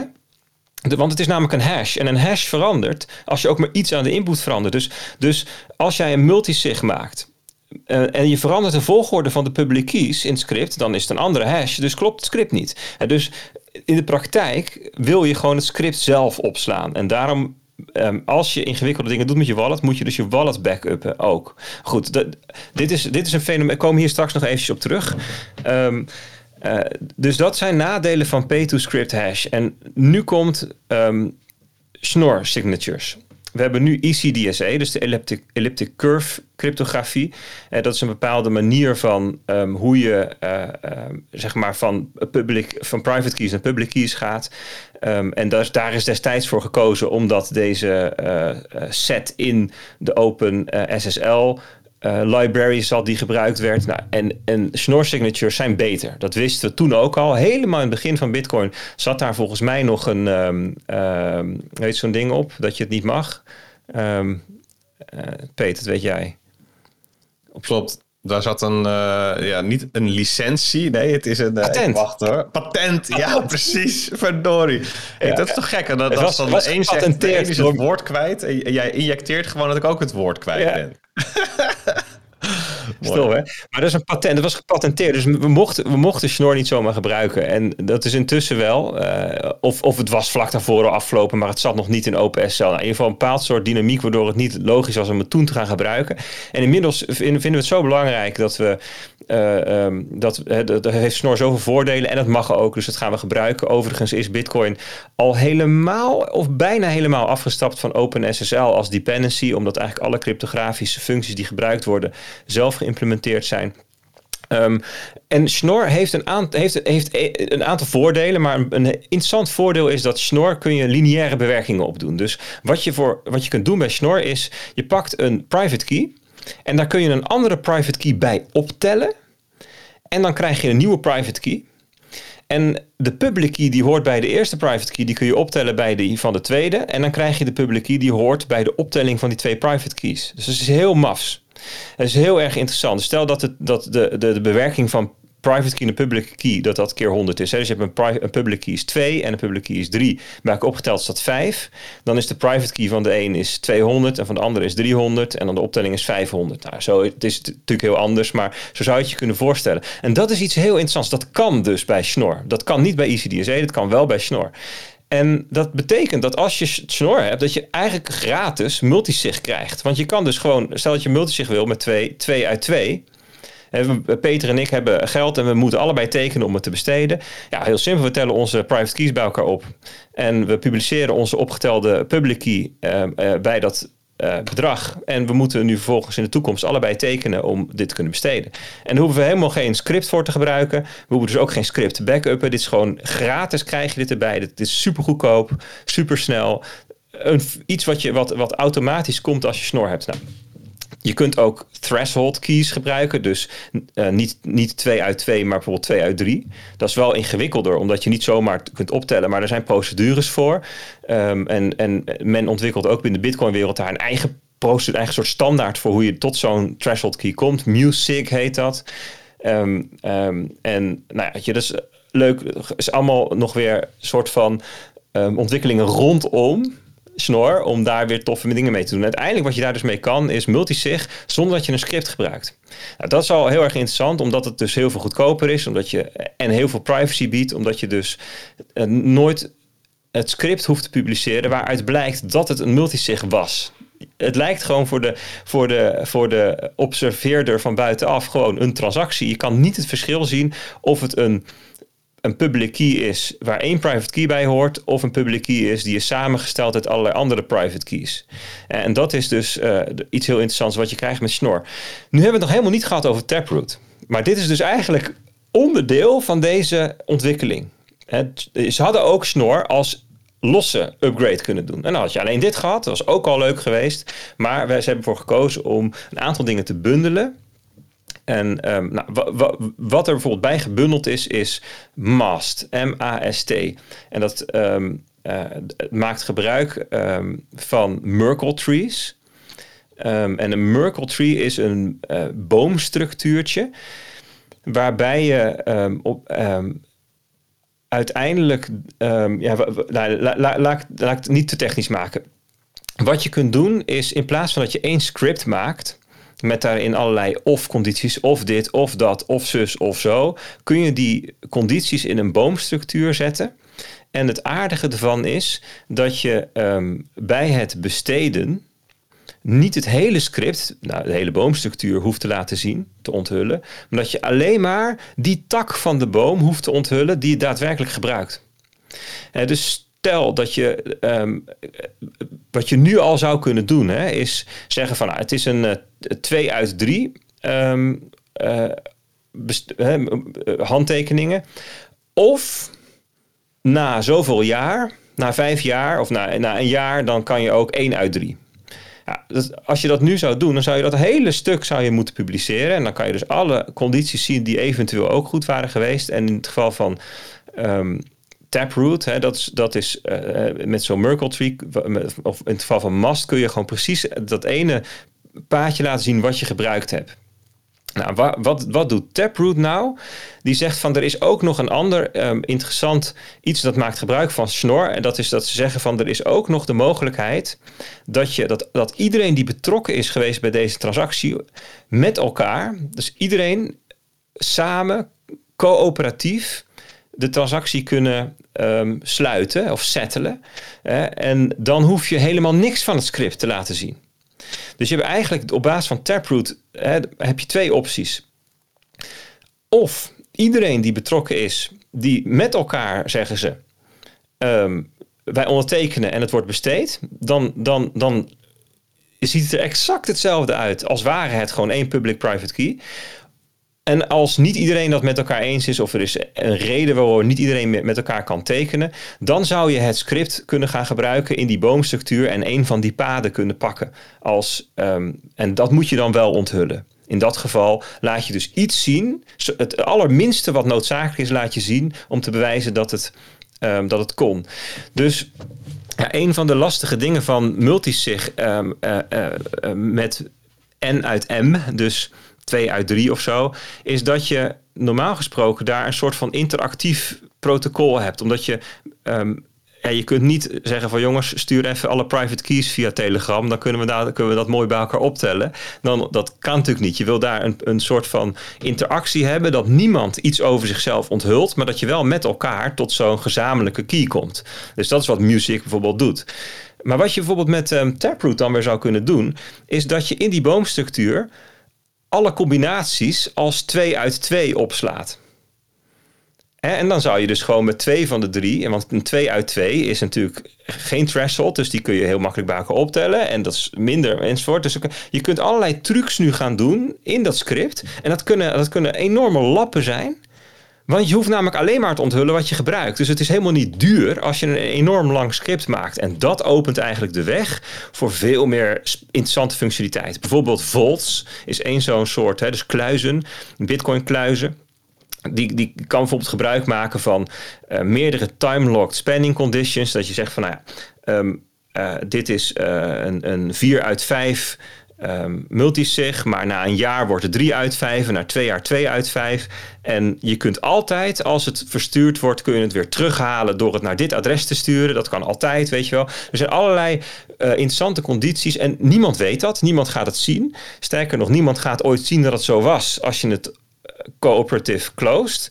En ja, dus, dus het, biedt heel veel meer functionaliteit. Ook bijvoorbeeld voor het Lightning-netwerk. Het maakt bijvoorbeeld point-time-lock contracts in plaats van um, ehm, HTLC's mogelijk. Biedt meer privacy, ook op Lightning.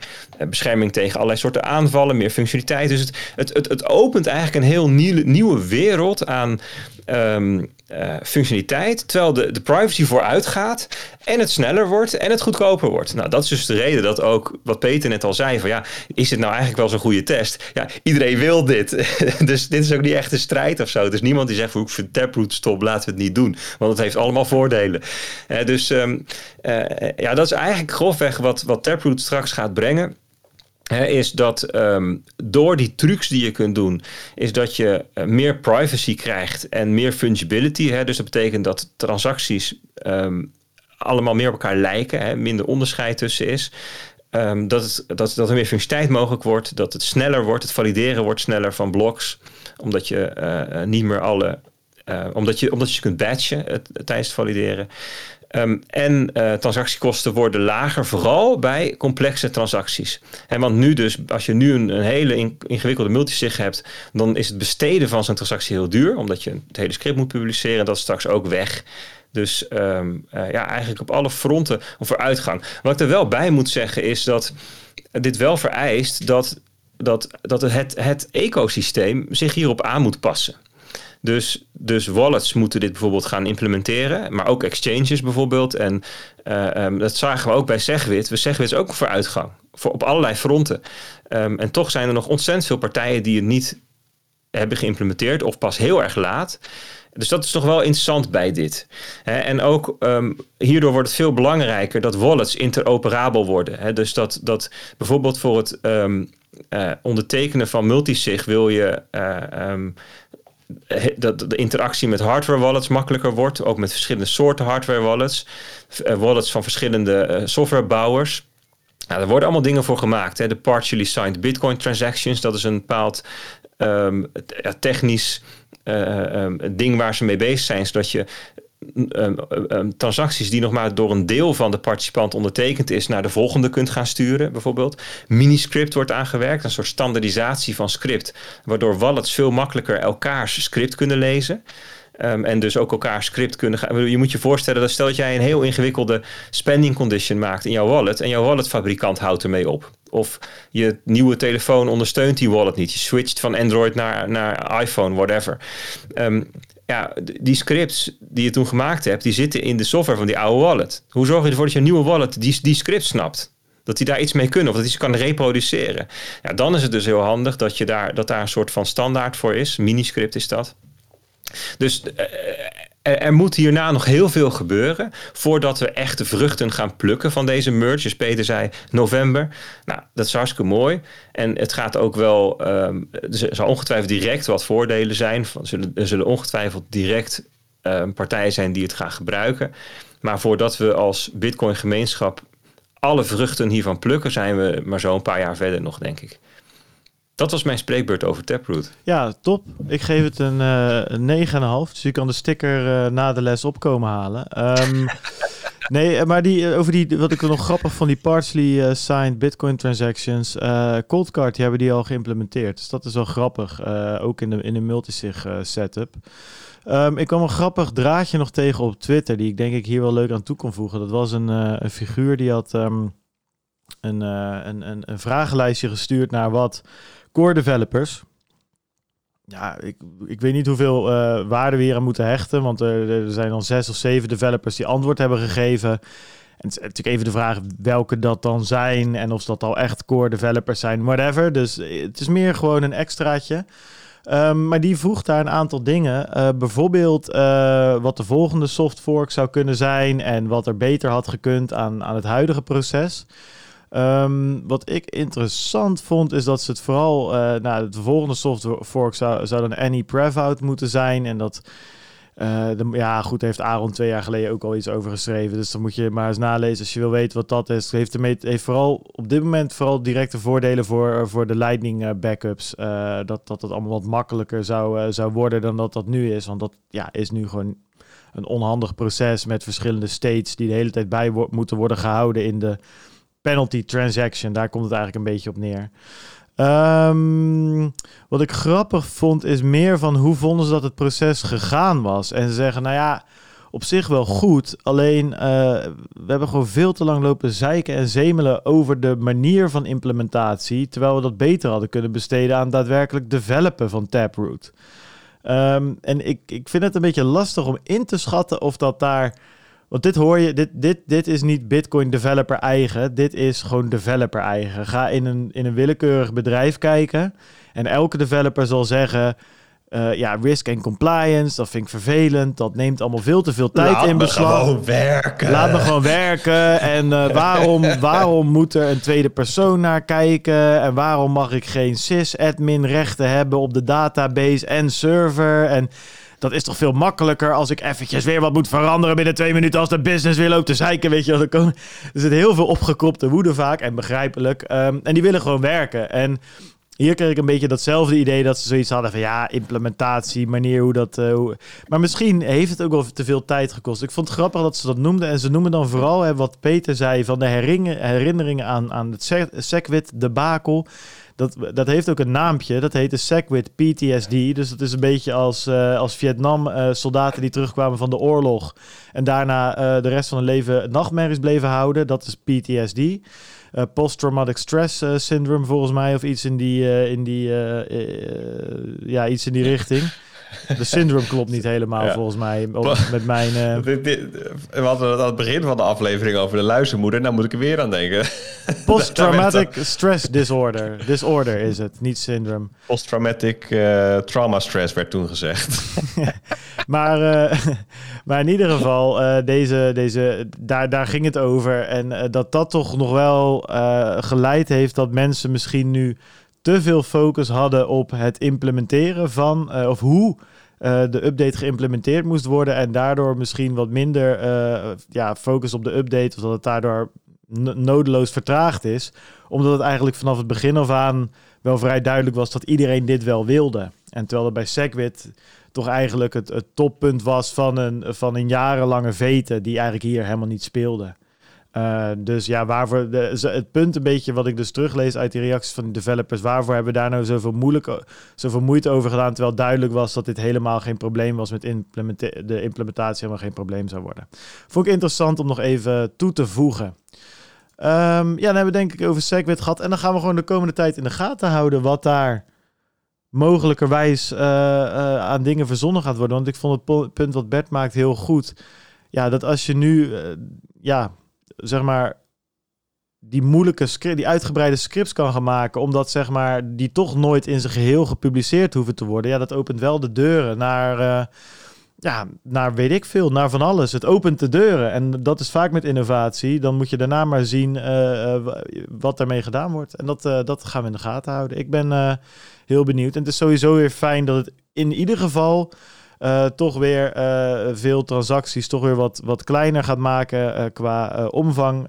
en daardoor ook weer wat meer ruimte in de blokken. Of in ieder geval pas weer wat meer in de blokken. Dus hopelijk wat lagere fees. En dat, het, nou, dat een klein beetje on-chain scaling is nooit weg. als je daar niet, niets inlevert qua veiligheid dan. Um, eens even kijken. Dan hebben we Taproot gehad. Hebben we alle vragen gehad. Uh, willen, we, willen we nog wat in het kort dingetjes er doorheen gooien? Nou, dat is wel dat is dus sowieso eentje zit ertussen die ik even doorheen wil gooien. Want er was ook een vraagje van een, van een luisteraar. Bert, ik zag deze week wat gebeuren op Twitter.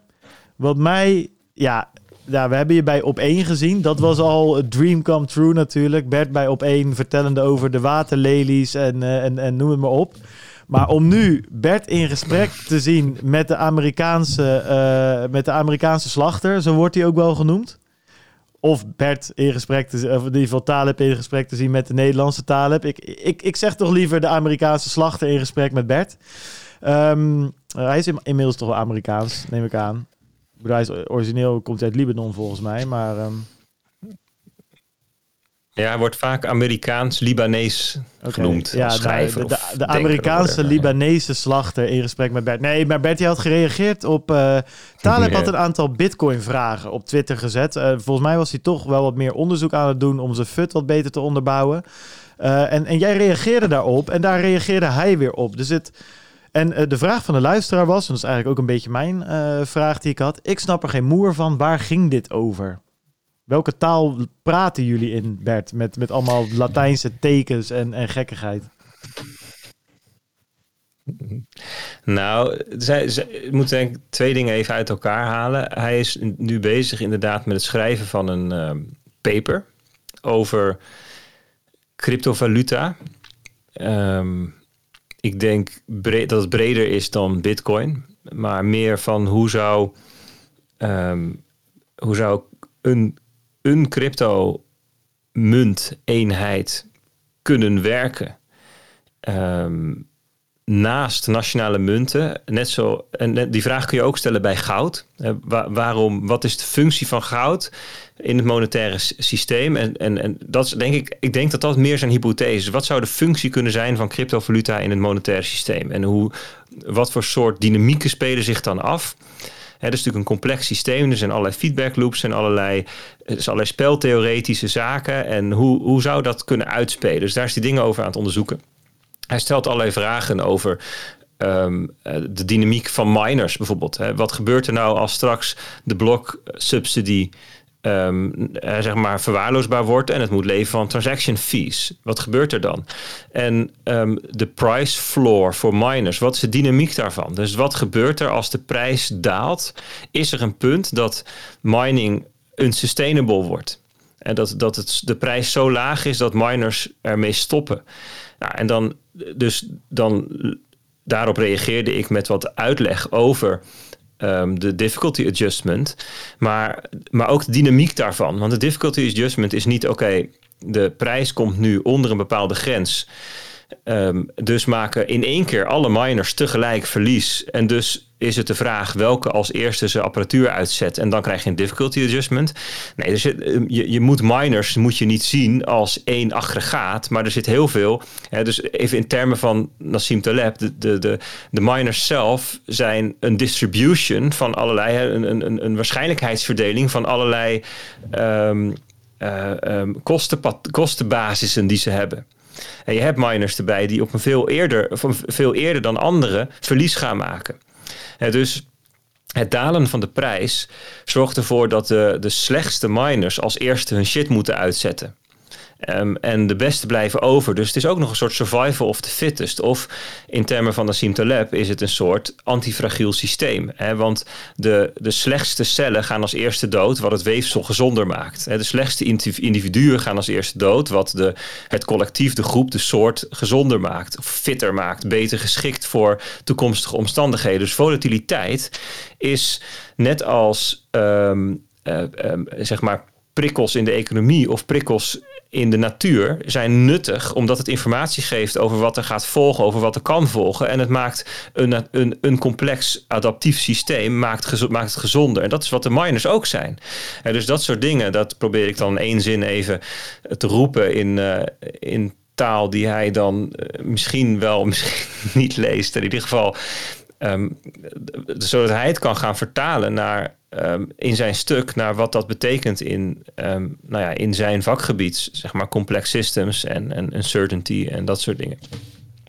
dus dat was één deel eigenlijk van het gesprek. En het andere was, dat was eigenlijk een reactie op iets wat hij al veel eerder uh, vroeg, namelijk, of, of stelde, namelijk uh, dat er een grote, grote misvatting is in finance in het algemeen, maar bij Bitcoin in het bijzonder, dat mensen market capitalization, dus de marktwaarde van Bitcoin, um, gelijkstellen aan de hoeveelheid geld die erin gestoken is. dus Bitcoin heeft nu een marktwaarde van zo'n 700 miljard dollar. En dan is de gedachte, ja, dan is er dus 700 miljard dollar ingestopt. Um, en andersom zou er 700 miljard dollar uitgehaald kunnen worden. En beide is niet waar. Dat weten wij ook. Daar hebben wij het heel vaak over gehad in deze show. Maar dat is inderdaad terecht punt dat voor heel veel mensen dat een misvatting is. En hij stelde daarbij dat hoe hoger de volatiliteit is van een, um, van een asset, hoe meer impact één order kan hebben op die market cap. Ja, dus, dus en dat is, dat is een um, um, bekend fenomeen in financiële markten. Dat heet de market impact. Daar is een formule voor, de square root law. En die is al heel vaak op heel veel markten getest. En die zegt eigenlijk dat um, als de. Ja, dat, het zegt eigenlijk dat dat er een verhouding is tussen um, de grootte van je order en het transactievolume op een dag.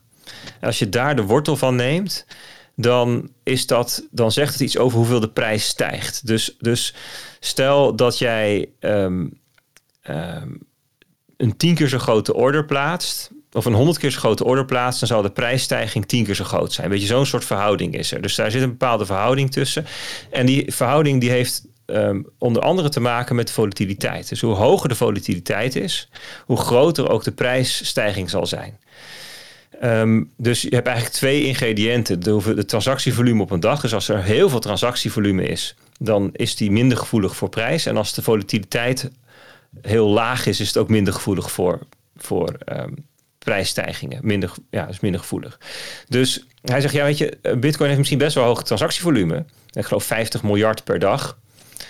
Um, maar, de, maar de volatiliteit is ook heel hoog. Namelijk 0,06 of 6 procent zo'n beetje is de volatiliteit op de, de dagelijkse volatiliteit.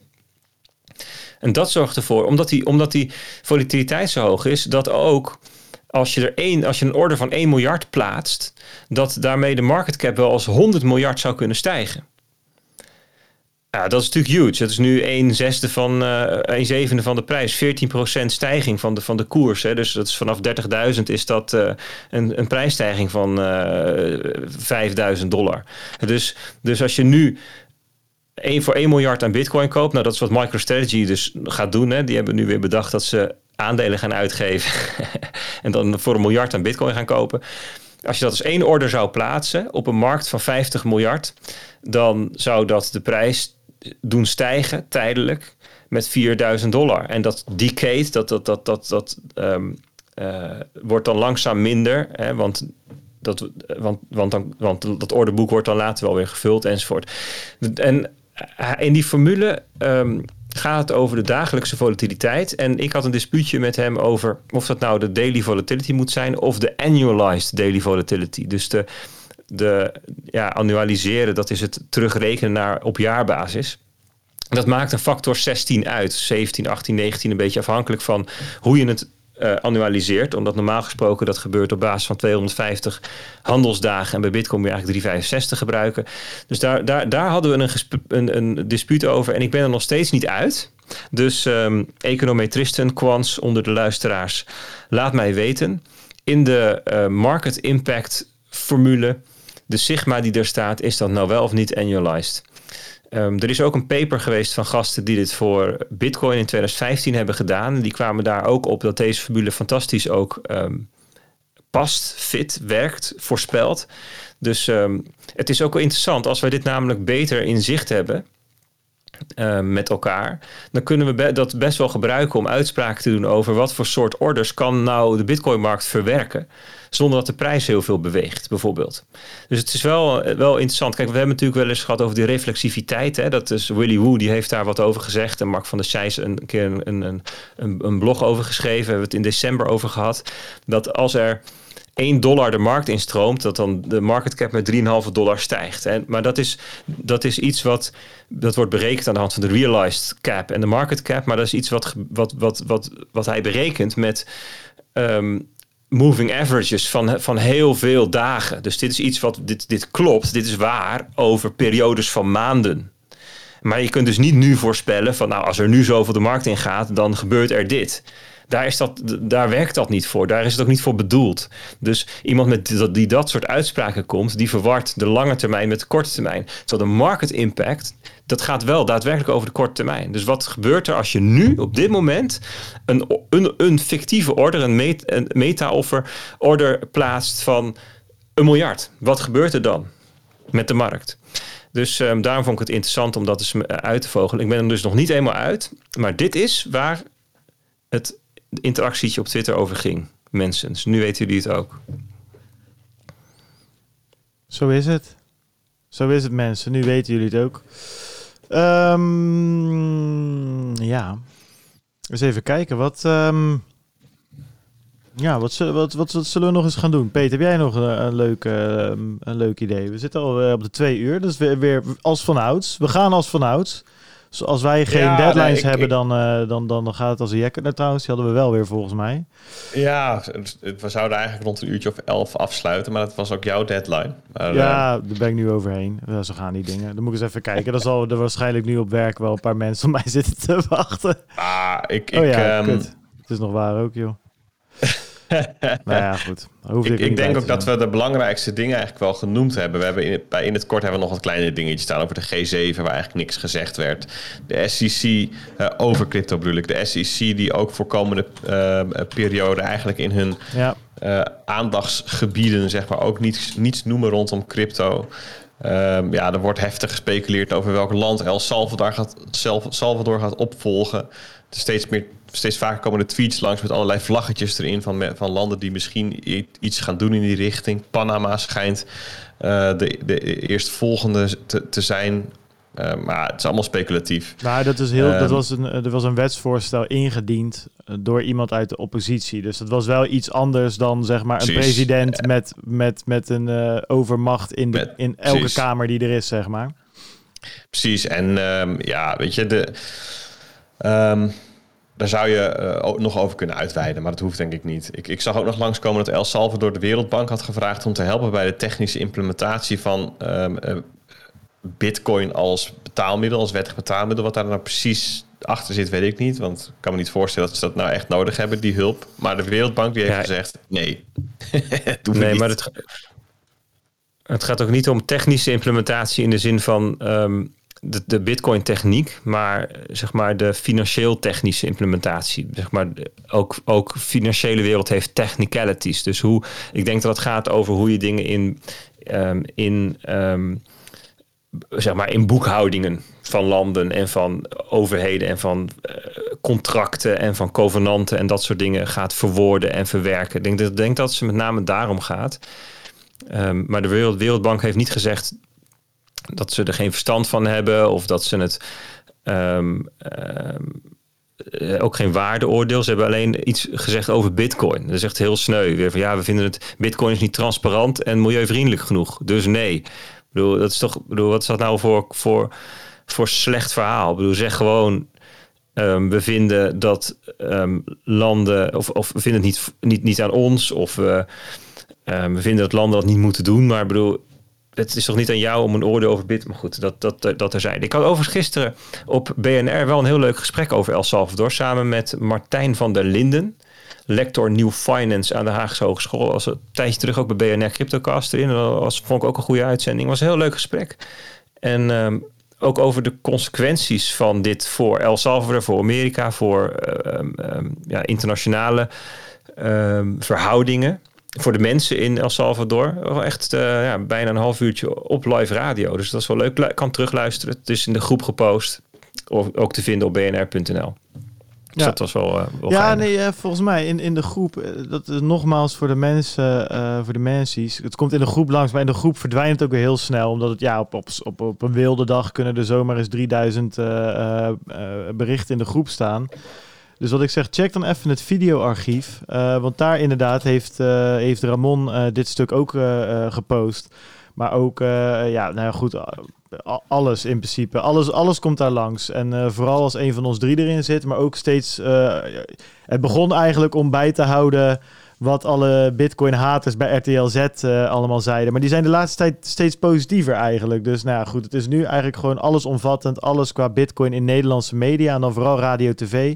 Eh, houden we daarin bij. Dus eh, je kan je abonneren op dat kanaal op Telegram. En dan, eh, als er dan wat in staat, dan, eh, dan eh, raakt het niet bedolven onder honderdduizend andere berichten over fapganzen, PTSD en dat soort dingen. Ehm, ja, jongens. Nou goed, dan, dan, dan gaan we. ik denk- Ja, ik denk dat we toch Moeten we ons nog zorgen maken over een death cross dit weekend, eh, Bert? Of kunnen we gewoon lekker naar het strand? Ja, dat is, dat is, dat is wel leuk. Ik zag hem ook eh, aankomen. En ehm, een death cross is dat de ehm 50-daagse moving average ehm, de 200-daagse moving average kruist van boven naar beneden. Eh, dus dat, dat betekent eigenlijk dat de, het gemiddelde op korte termijn Ehm, dat was hoger dan het gemiddelde op lange termijn. Dat betekent dus dat je een periode van stijging achter de rug had. En als, ehm, als die elkaar kruisen, dan betekent dat het gemiddelde op korte termijn lager is, wordt dan het gemiddelde op lange termijn. Dat betekent dus dat je al een tijdje onder die lange termijn gemiddelde zit. En dat klopt ook. We zitten sinds nou, ik zeg even, 18 mei, 19 mei zitten we onder de 200-daagse moving average. En ja, dan is het dus logisch dat dat, eh, dat, dat eraan zit te komen. En als je ga- gaat kijken naar, naar Bitcoin, dan zijn er momenten geweest in bull markets dat die twee elkaar raakten. Elkaar net op elkaar kwamen te liggen en dat dan een soort van die 50-daagse moving average soort van bounced, stuiterde en, weer, en dan weer omhoog ging. Dus het kan dat ze elkaar even raken en dat dan en dat daarvoor is dus nodig dat de koers ja toch wel heel erg binnenkort, misschien inderdaad wel het komend weekend, boven de 43.000 dollar, boven de nou ja, ja laat zeggen boven de 43.000 dollar zit. Als dat niet zo is, als we eronder blijven, dan zal de 50-daagse moving average de 200-daags doorkruisen naar beneden toe. Ja, en dat is vaak, zegt, zeggen TA'ers dan, een teken van langere tijd ehm, dalende prijzen, lage prijzen, zwakte enzovoort.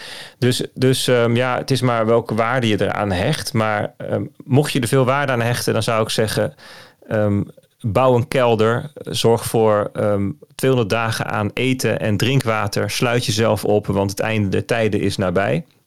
En voor de mensen die zeggen, joh, het zijn maar lijntjes op een kaart. In dat geval, buy the dip, hoddel uh, DCA lekker door.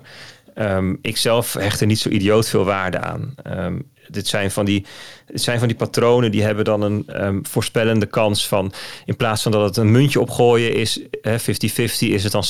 Uh, dus ja, weet je, natuurlijk bij een death cross dan gebeurt het vaker dan wel dan niet dat het zwakte oplevert, maar het gebeurt ook hartstikke vaak dat het daarna gewoon weer omhoog gaat. Dus um, ik zou zeggen, um, wees, ra raak niet in paniek, maar um, kijk ernaar met een bakje popcorn en stek lekker door.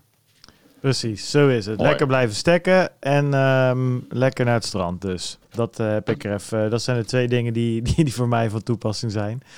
Nou, mooi jongens. Ja, nou, lekker weekje weer. Um, ik, uh, ik, ik heb weer... Zo, zo, s ochtends, zo'n podcast... S ochtends moet je toch eigenlijk de dingen doen die het belangrijk zijn, hè? Merk ik altijd. Uh, ik merk het verschil ook als ik s ochtends gewoon een, een, een, lekker een boekje lees of s'avonds. Ja, dat ochtends, dan blijft toch net wat beter hangen en ga je er net wat sneller doorheen. Terwijl s'avonds val ik gewoon in slaap met, met mijn Kindle boven op mijn kop.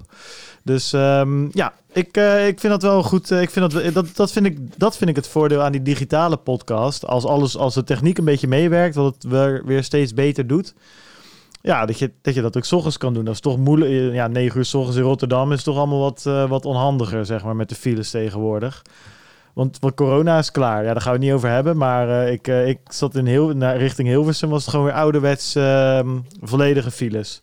We moeten ook weer naar kantoor, hoorde ik. Nou, dat, uh, dat een autist als ik uh, was daar ook niet echt over te spreken. Maar goed, we gaan het, uh, we gaan het zien de komende tijd. Um, dus bedankt. Jongens, bedankt weer voor het aanhaken. Jongens, bedankt voor het luisteren allemaal. Meiden ook. Te ja, en natuurlijk onze pensionado's vanuit... vanuit uh, vanuit Spanje. Thea was dat inderdaad. Ook jij, jij weer bedankt ik, voor misschien het ook even de, de genderneutralen bedanken. Ja, inderdaad. Nou, daar, nee, ik vind, weet je, jongens en meiden vind ik allemaal hartstikke leuk. Daar, daar kan ik in mee. Maar op een gegeven moment, uh, ja, weet je, we, we hebben ook gewoon beperkte tijd, Peet. Die studio, die moet, daar moet iemand anders weer in. Hè? die Discord uh, serverruimte moet iemand anders weer, uh, moeten we weer vrijmaken. Oh, ja, ja. ja, ja, Onze, onze claim is op. Precies. Vind je deze podcast leuk? Join dan onze Telegram. Volg ons op Twitter. De links kan je vinden op www.stossieradio.nl en natuurlijk op www.lekkercryptisch, uh, waar, waar er de laatste tijd fantastische artikelen live worden gezet. Ja, en, en niet alleen nuttig en informatief. Maar als je ook Peter gewoon in pure rage-modus wil zien, dan kan je er tegenwoordig ook gewoon uh, voor, de, voor de pittige opiniestukken of columns. Of is dit dan een column, rant. denk ik? Hè? Ja, goede rants inderdaad. Nicer. Nee, jongens, was, uh, ik, heb, uh, ik heb genoten en ook vanochtend weer genoten voor jullie. Dus thanks allemaal en ja, tot volgende week weer. Adios. Tot volgende week. Joe.